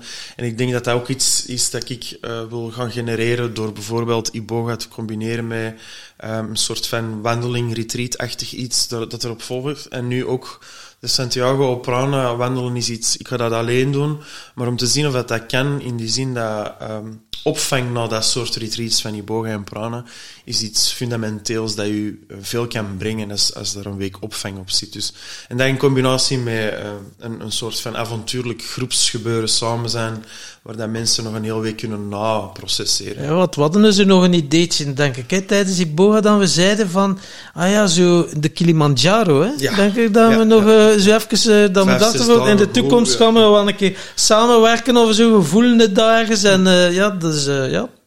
Ja, ik hou van dat proces hou ik wel. En in, in Paulo Coelho schrijft wel zo van ja. uh, een, een hele trip met jezelf, maar ook verdieping tijdens dat gebeuren. Vind ik eigenlijk heel leuk. Dat, dat leunt aan bij ik die graag in de natuur zit, fysiek bezig ben, maar ook gewoon samen, samen graag met mensen op stap gaan. Om, Een soort van coachen mixed with adventure en activiteit, maar dan ook wel met heel veel diepgang van de prana of een niveau. Ja, en wat doet dat bij jou? Ja, ik heb wel al gehoord dat vrijheid is verbinden of omgekeerd. Uh, dat hij zegt van, ik ben een keer 40 dagen weg, zie ja, ik ga wandelen. De max. De max. Nu vind ik dat Grote streng erop. Ja, ja, ik ben echt geheeld, ik geloof Dat nog maar 40 dagen. nee, ik vind de max, omdat ondertussen kan ik op Ibiza waar retreats ga geven. Ja, ja, ja, ja, ja. Nee, zo, ik vind het wel heel fijn om te zien dat we elk ons eigen ding wel een beetje aan het vinden zijn. En dat komt wel weer samen. Dus ik denk dat vroeger de angst zat hem vooral op het niet vertrouwen dat dat terug ging samenkomen. Mm. Of de mhm. angst om gesepareerd te worden. Of zo. Terwijl nu voelt hij niet alsof dat, dat nog zou kunnen. Ze weet toch dat hij eerst in een boek moet schrijven en is er al vijf jaar mee bezig. dat is niet Nee, ik vind het geweldig. Al de ja, ja, met een top drie van boeken. Um, ik denk, de boeken van Geert Kimpen vind ik de max. Uh, oh. Bijvoorbeeld Het meisje aan de oever verscheen. Bijzonder mooie boeken schrijft die man. Echt pareltjes, vind ik het. Um, Esther Perel. Ja, dat ik wel heel, ja. Um, ja, gewoon naar manier van kijken naar bedrog, naar relaties. Naar, het, is toch, het is toch op dat punt baanbrekend geweest. Um, ja. Dus dat vind ik wel heel boeiend. Uh, David Daida. Ja. Uh, ja. Maar dat zit helemaal in lijn van wat dat mij boeit. Dus dat vind ik heel, heel Interessant. Ja, ook geen grote lezer dat ik ben, maar als ik zo wat drie namen, dan... Ja, ja, ja, David Daida heeft mij ook wel al mateloos geïnspireerd. Ja. Dus seks als weg naar God en dan de kracht van, de kracht echte, van mannen. mannen. Ja, dat is ook wel... Uh, ja. en het is ook, ik heb eigenlijk denk ik meer dan 300 boeken in mijn kast staan. Allee, als ik nog een kast had gehad, want het zit nu in dozen. Uh, dus ik heb enorm veel boeken die ik allemaal niet gelezen heb. Wat zeg je, wordt geen grote lezer. Nee, nee, maar ik hou wel van boeken in de zin van de de energie die een boek met zich meebrengt. Dus mm. ik word heel erg aangetrokken tot een verhaal, tot inhoud, tot kaft, tot al die dingen. En dus gewoon om dat te hebben, vind ik dus... Ja, ja. Okay. Boekenwormen zullen dat misschien herkennen, maar ik ben dus Een nieuwe verslaving? Raak ik een nieuwe verslaving? Nee, want ik heb niet elke week met een nieuw boek nodig. Oké, ja, ja. dat is toch niet... Nee, maar zo, als ik er een tegenkom waar ik echt een connectie mee voel, moet ik hem ook niet lezen. Het is alsof het een energie genoeg is Oké, ja, ja. Uh, bij mij te hebben. Ja. Ik heb mijzelf uh, weerhouden om te lezen, omdat ik zoiets zet van, ja, als je met zo'n heel duidelijk concept wil op, allez, afkomen en, en, en je wilt dat dat vanuit jezelf voortkomt, dan moet je een beetje oppassen dat je niet zo overal graantjes ligt te pikken. En, en afgeleid wordt. ja. Ik heb dat wel beschermd, dat concept. Um, dus ja, dat was, voor mij was dat ja, een heel bewuste keuze. Ik weet Misschien als er boeken uitkomen dat we ineens keihard gaan lezen. Huh? Ja. Dat zou kunnen. Hè? Ik ben benieuwd wat er, uh, wat er uit mag vloeien. Wij ook. Wij ook. als, als, mensen, als mensen jullie willen volgen of ze willen meer weten over uh, wie jullie zijn, waar, waar kunnen ze dan terecht? www.hardcoreunion.com, dat is de website. Wel een beetje onder construction momenteel, want het was een boek op zich. Dus mijn businesscoach heeft nou de vingers getikt. Uh, dus ja, de website sowieso. Uh, op Instagram heb ik ook Hardcore Union. En hebben we een gezamenlijke pagina dat we net gaan starten, Spiritual Gangsters. en dat wordt eigenlijk een humoristische pagina. Uh, dus van um, ja, eigenlijk alles wat heel serieus in ondertoon is, gaan we een beetje verlichten. En ja. wat grappige filmpjes, foto's, quotes. Een beetje lucht erin kloppen. Ja. ja. Kan nooit kwaad. nee, het is dat. Um, ik en dan ook Facebook? Ja. Facebook, ja. Ik lanceer mijn Facebook, Instagram en YouTube-kanaal uh, midden december, begin januari. Om mensen de kans te geven om mij te volgen in de aanloop naar het ja. uh, Santiago Oprana project. Um, is het al uh, helder wanneer dat je het precies gaat doen, Santiago? Ja. De 13e van de derde maand in 23. Dus 3, 13, 23 gaat een aftrap zijn. Uh, ik ga vanaf dat moment dagelijks tot twee dagelijks posten op de drie kanalen om mensen de kans te geven om uh, mee te zijn, hè, wat dat er allemaal speelt. Het zal en, maar je, je, bent er nu nog niet mee begonnen, ben je wel met, met je boek bezig? Wat, uh, wat weerhoudt je om mensen mee te nemen in het proces van je boek? Nee, in principe kan dat ook. Maar, ik heb jaren niet op social media gezeten. En dus ik ben nu letterlijk, uh, eens dat we vertrokken zijn, ga ik die drie kanalen gewoon serieus terug opstarten. En dan uh, zoveel mogelijk volgers proberen te krijgen van de juiste stromen, denk ik dan. En dan eens dat dat op poten is gezet, is de bedoeling dat ik mensen begin mee te nemen. Sowieso over de sponsoring, maar het verkrijgen van het juiste materiaal. Um, en dan de andere projecten. Hè, maar even om duidelijk te zijn, dus er is een boek 1, het levensverhaal, waar we dus nu samen aan schrijven. En dan uh, Compostela is boek 2. Dus dat is eigenlijk een nieuw project. En daar gaan we samen, dus terwijl dat hij wandelt, ga hij naar mij allemaal delen en filmpjes en audio's en dus heel zijn proces. En ik ga ondertussen schrijven voor zijn boek. Ah, ja, dus we doen eigenlijk het proces samen. Ja, we doen eigenlijk het proces samen, hij in het actieve en ik in het schrijven. Ah, dus dat gaat ook een spannende samenwerking zijn. Ja, het levensverhaal ook. Ik ken eh, de hele structuur en, en de tijdslijn uh, schrijven, maar als het voor de boter tussen de pannenkoeken is, dan is Maxime ja, ja, het is allemaal zo droog hoe dat hij schrijft, en denk ik, niemand gaat dat willen lezen. Dus ik, ik zorg voor een beetje siroop en uh, aardbeienconfituur. ja. Ook daar wel lucht in kloppen. Ja, ja of het gewoon wat, wat aangenamer maken om te lezen, hè, want zo, niemand zit te wachten op een tijdslijn. Hè. En, daar uh, psychose 1. psychose 2 nog En dus al, alle mediakanalen of social media channels die zullen gepost worden op de site, ongetwijfeld. En welke route gaat het doen? Campe del Nord? Uh, de Franse.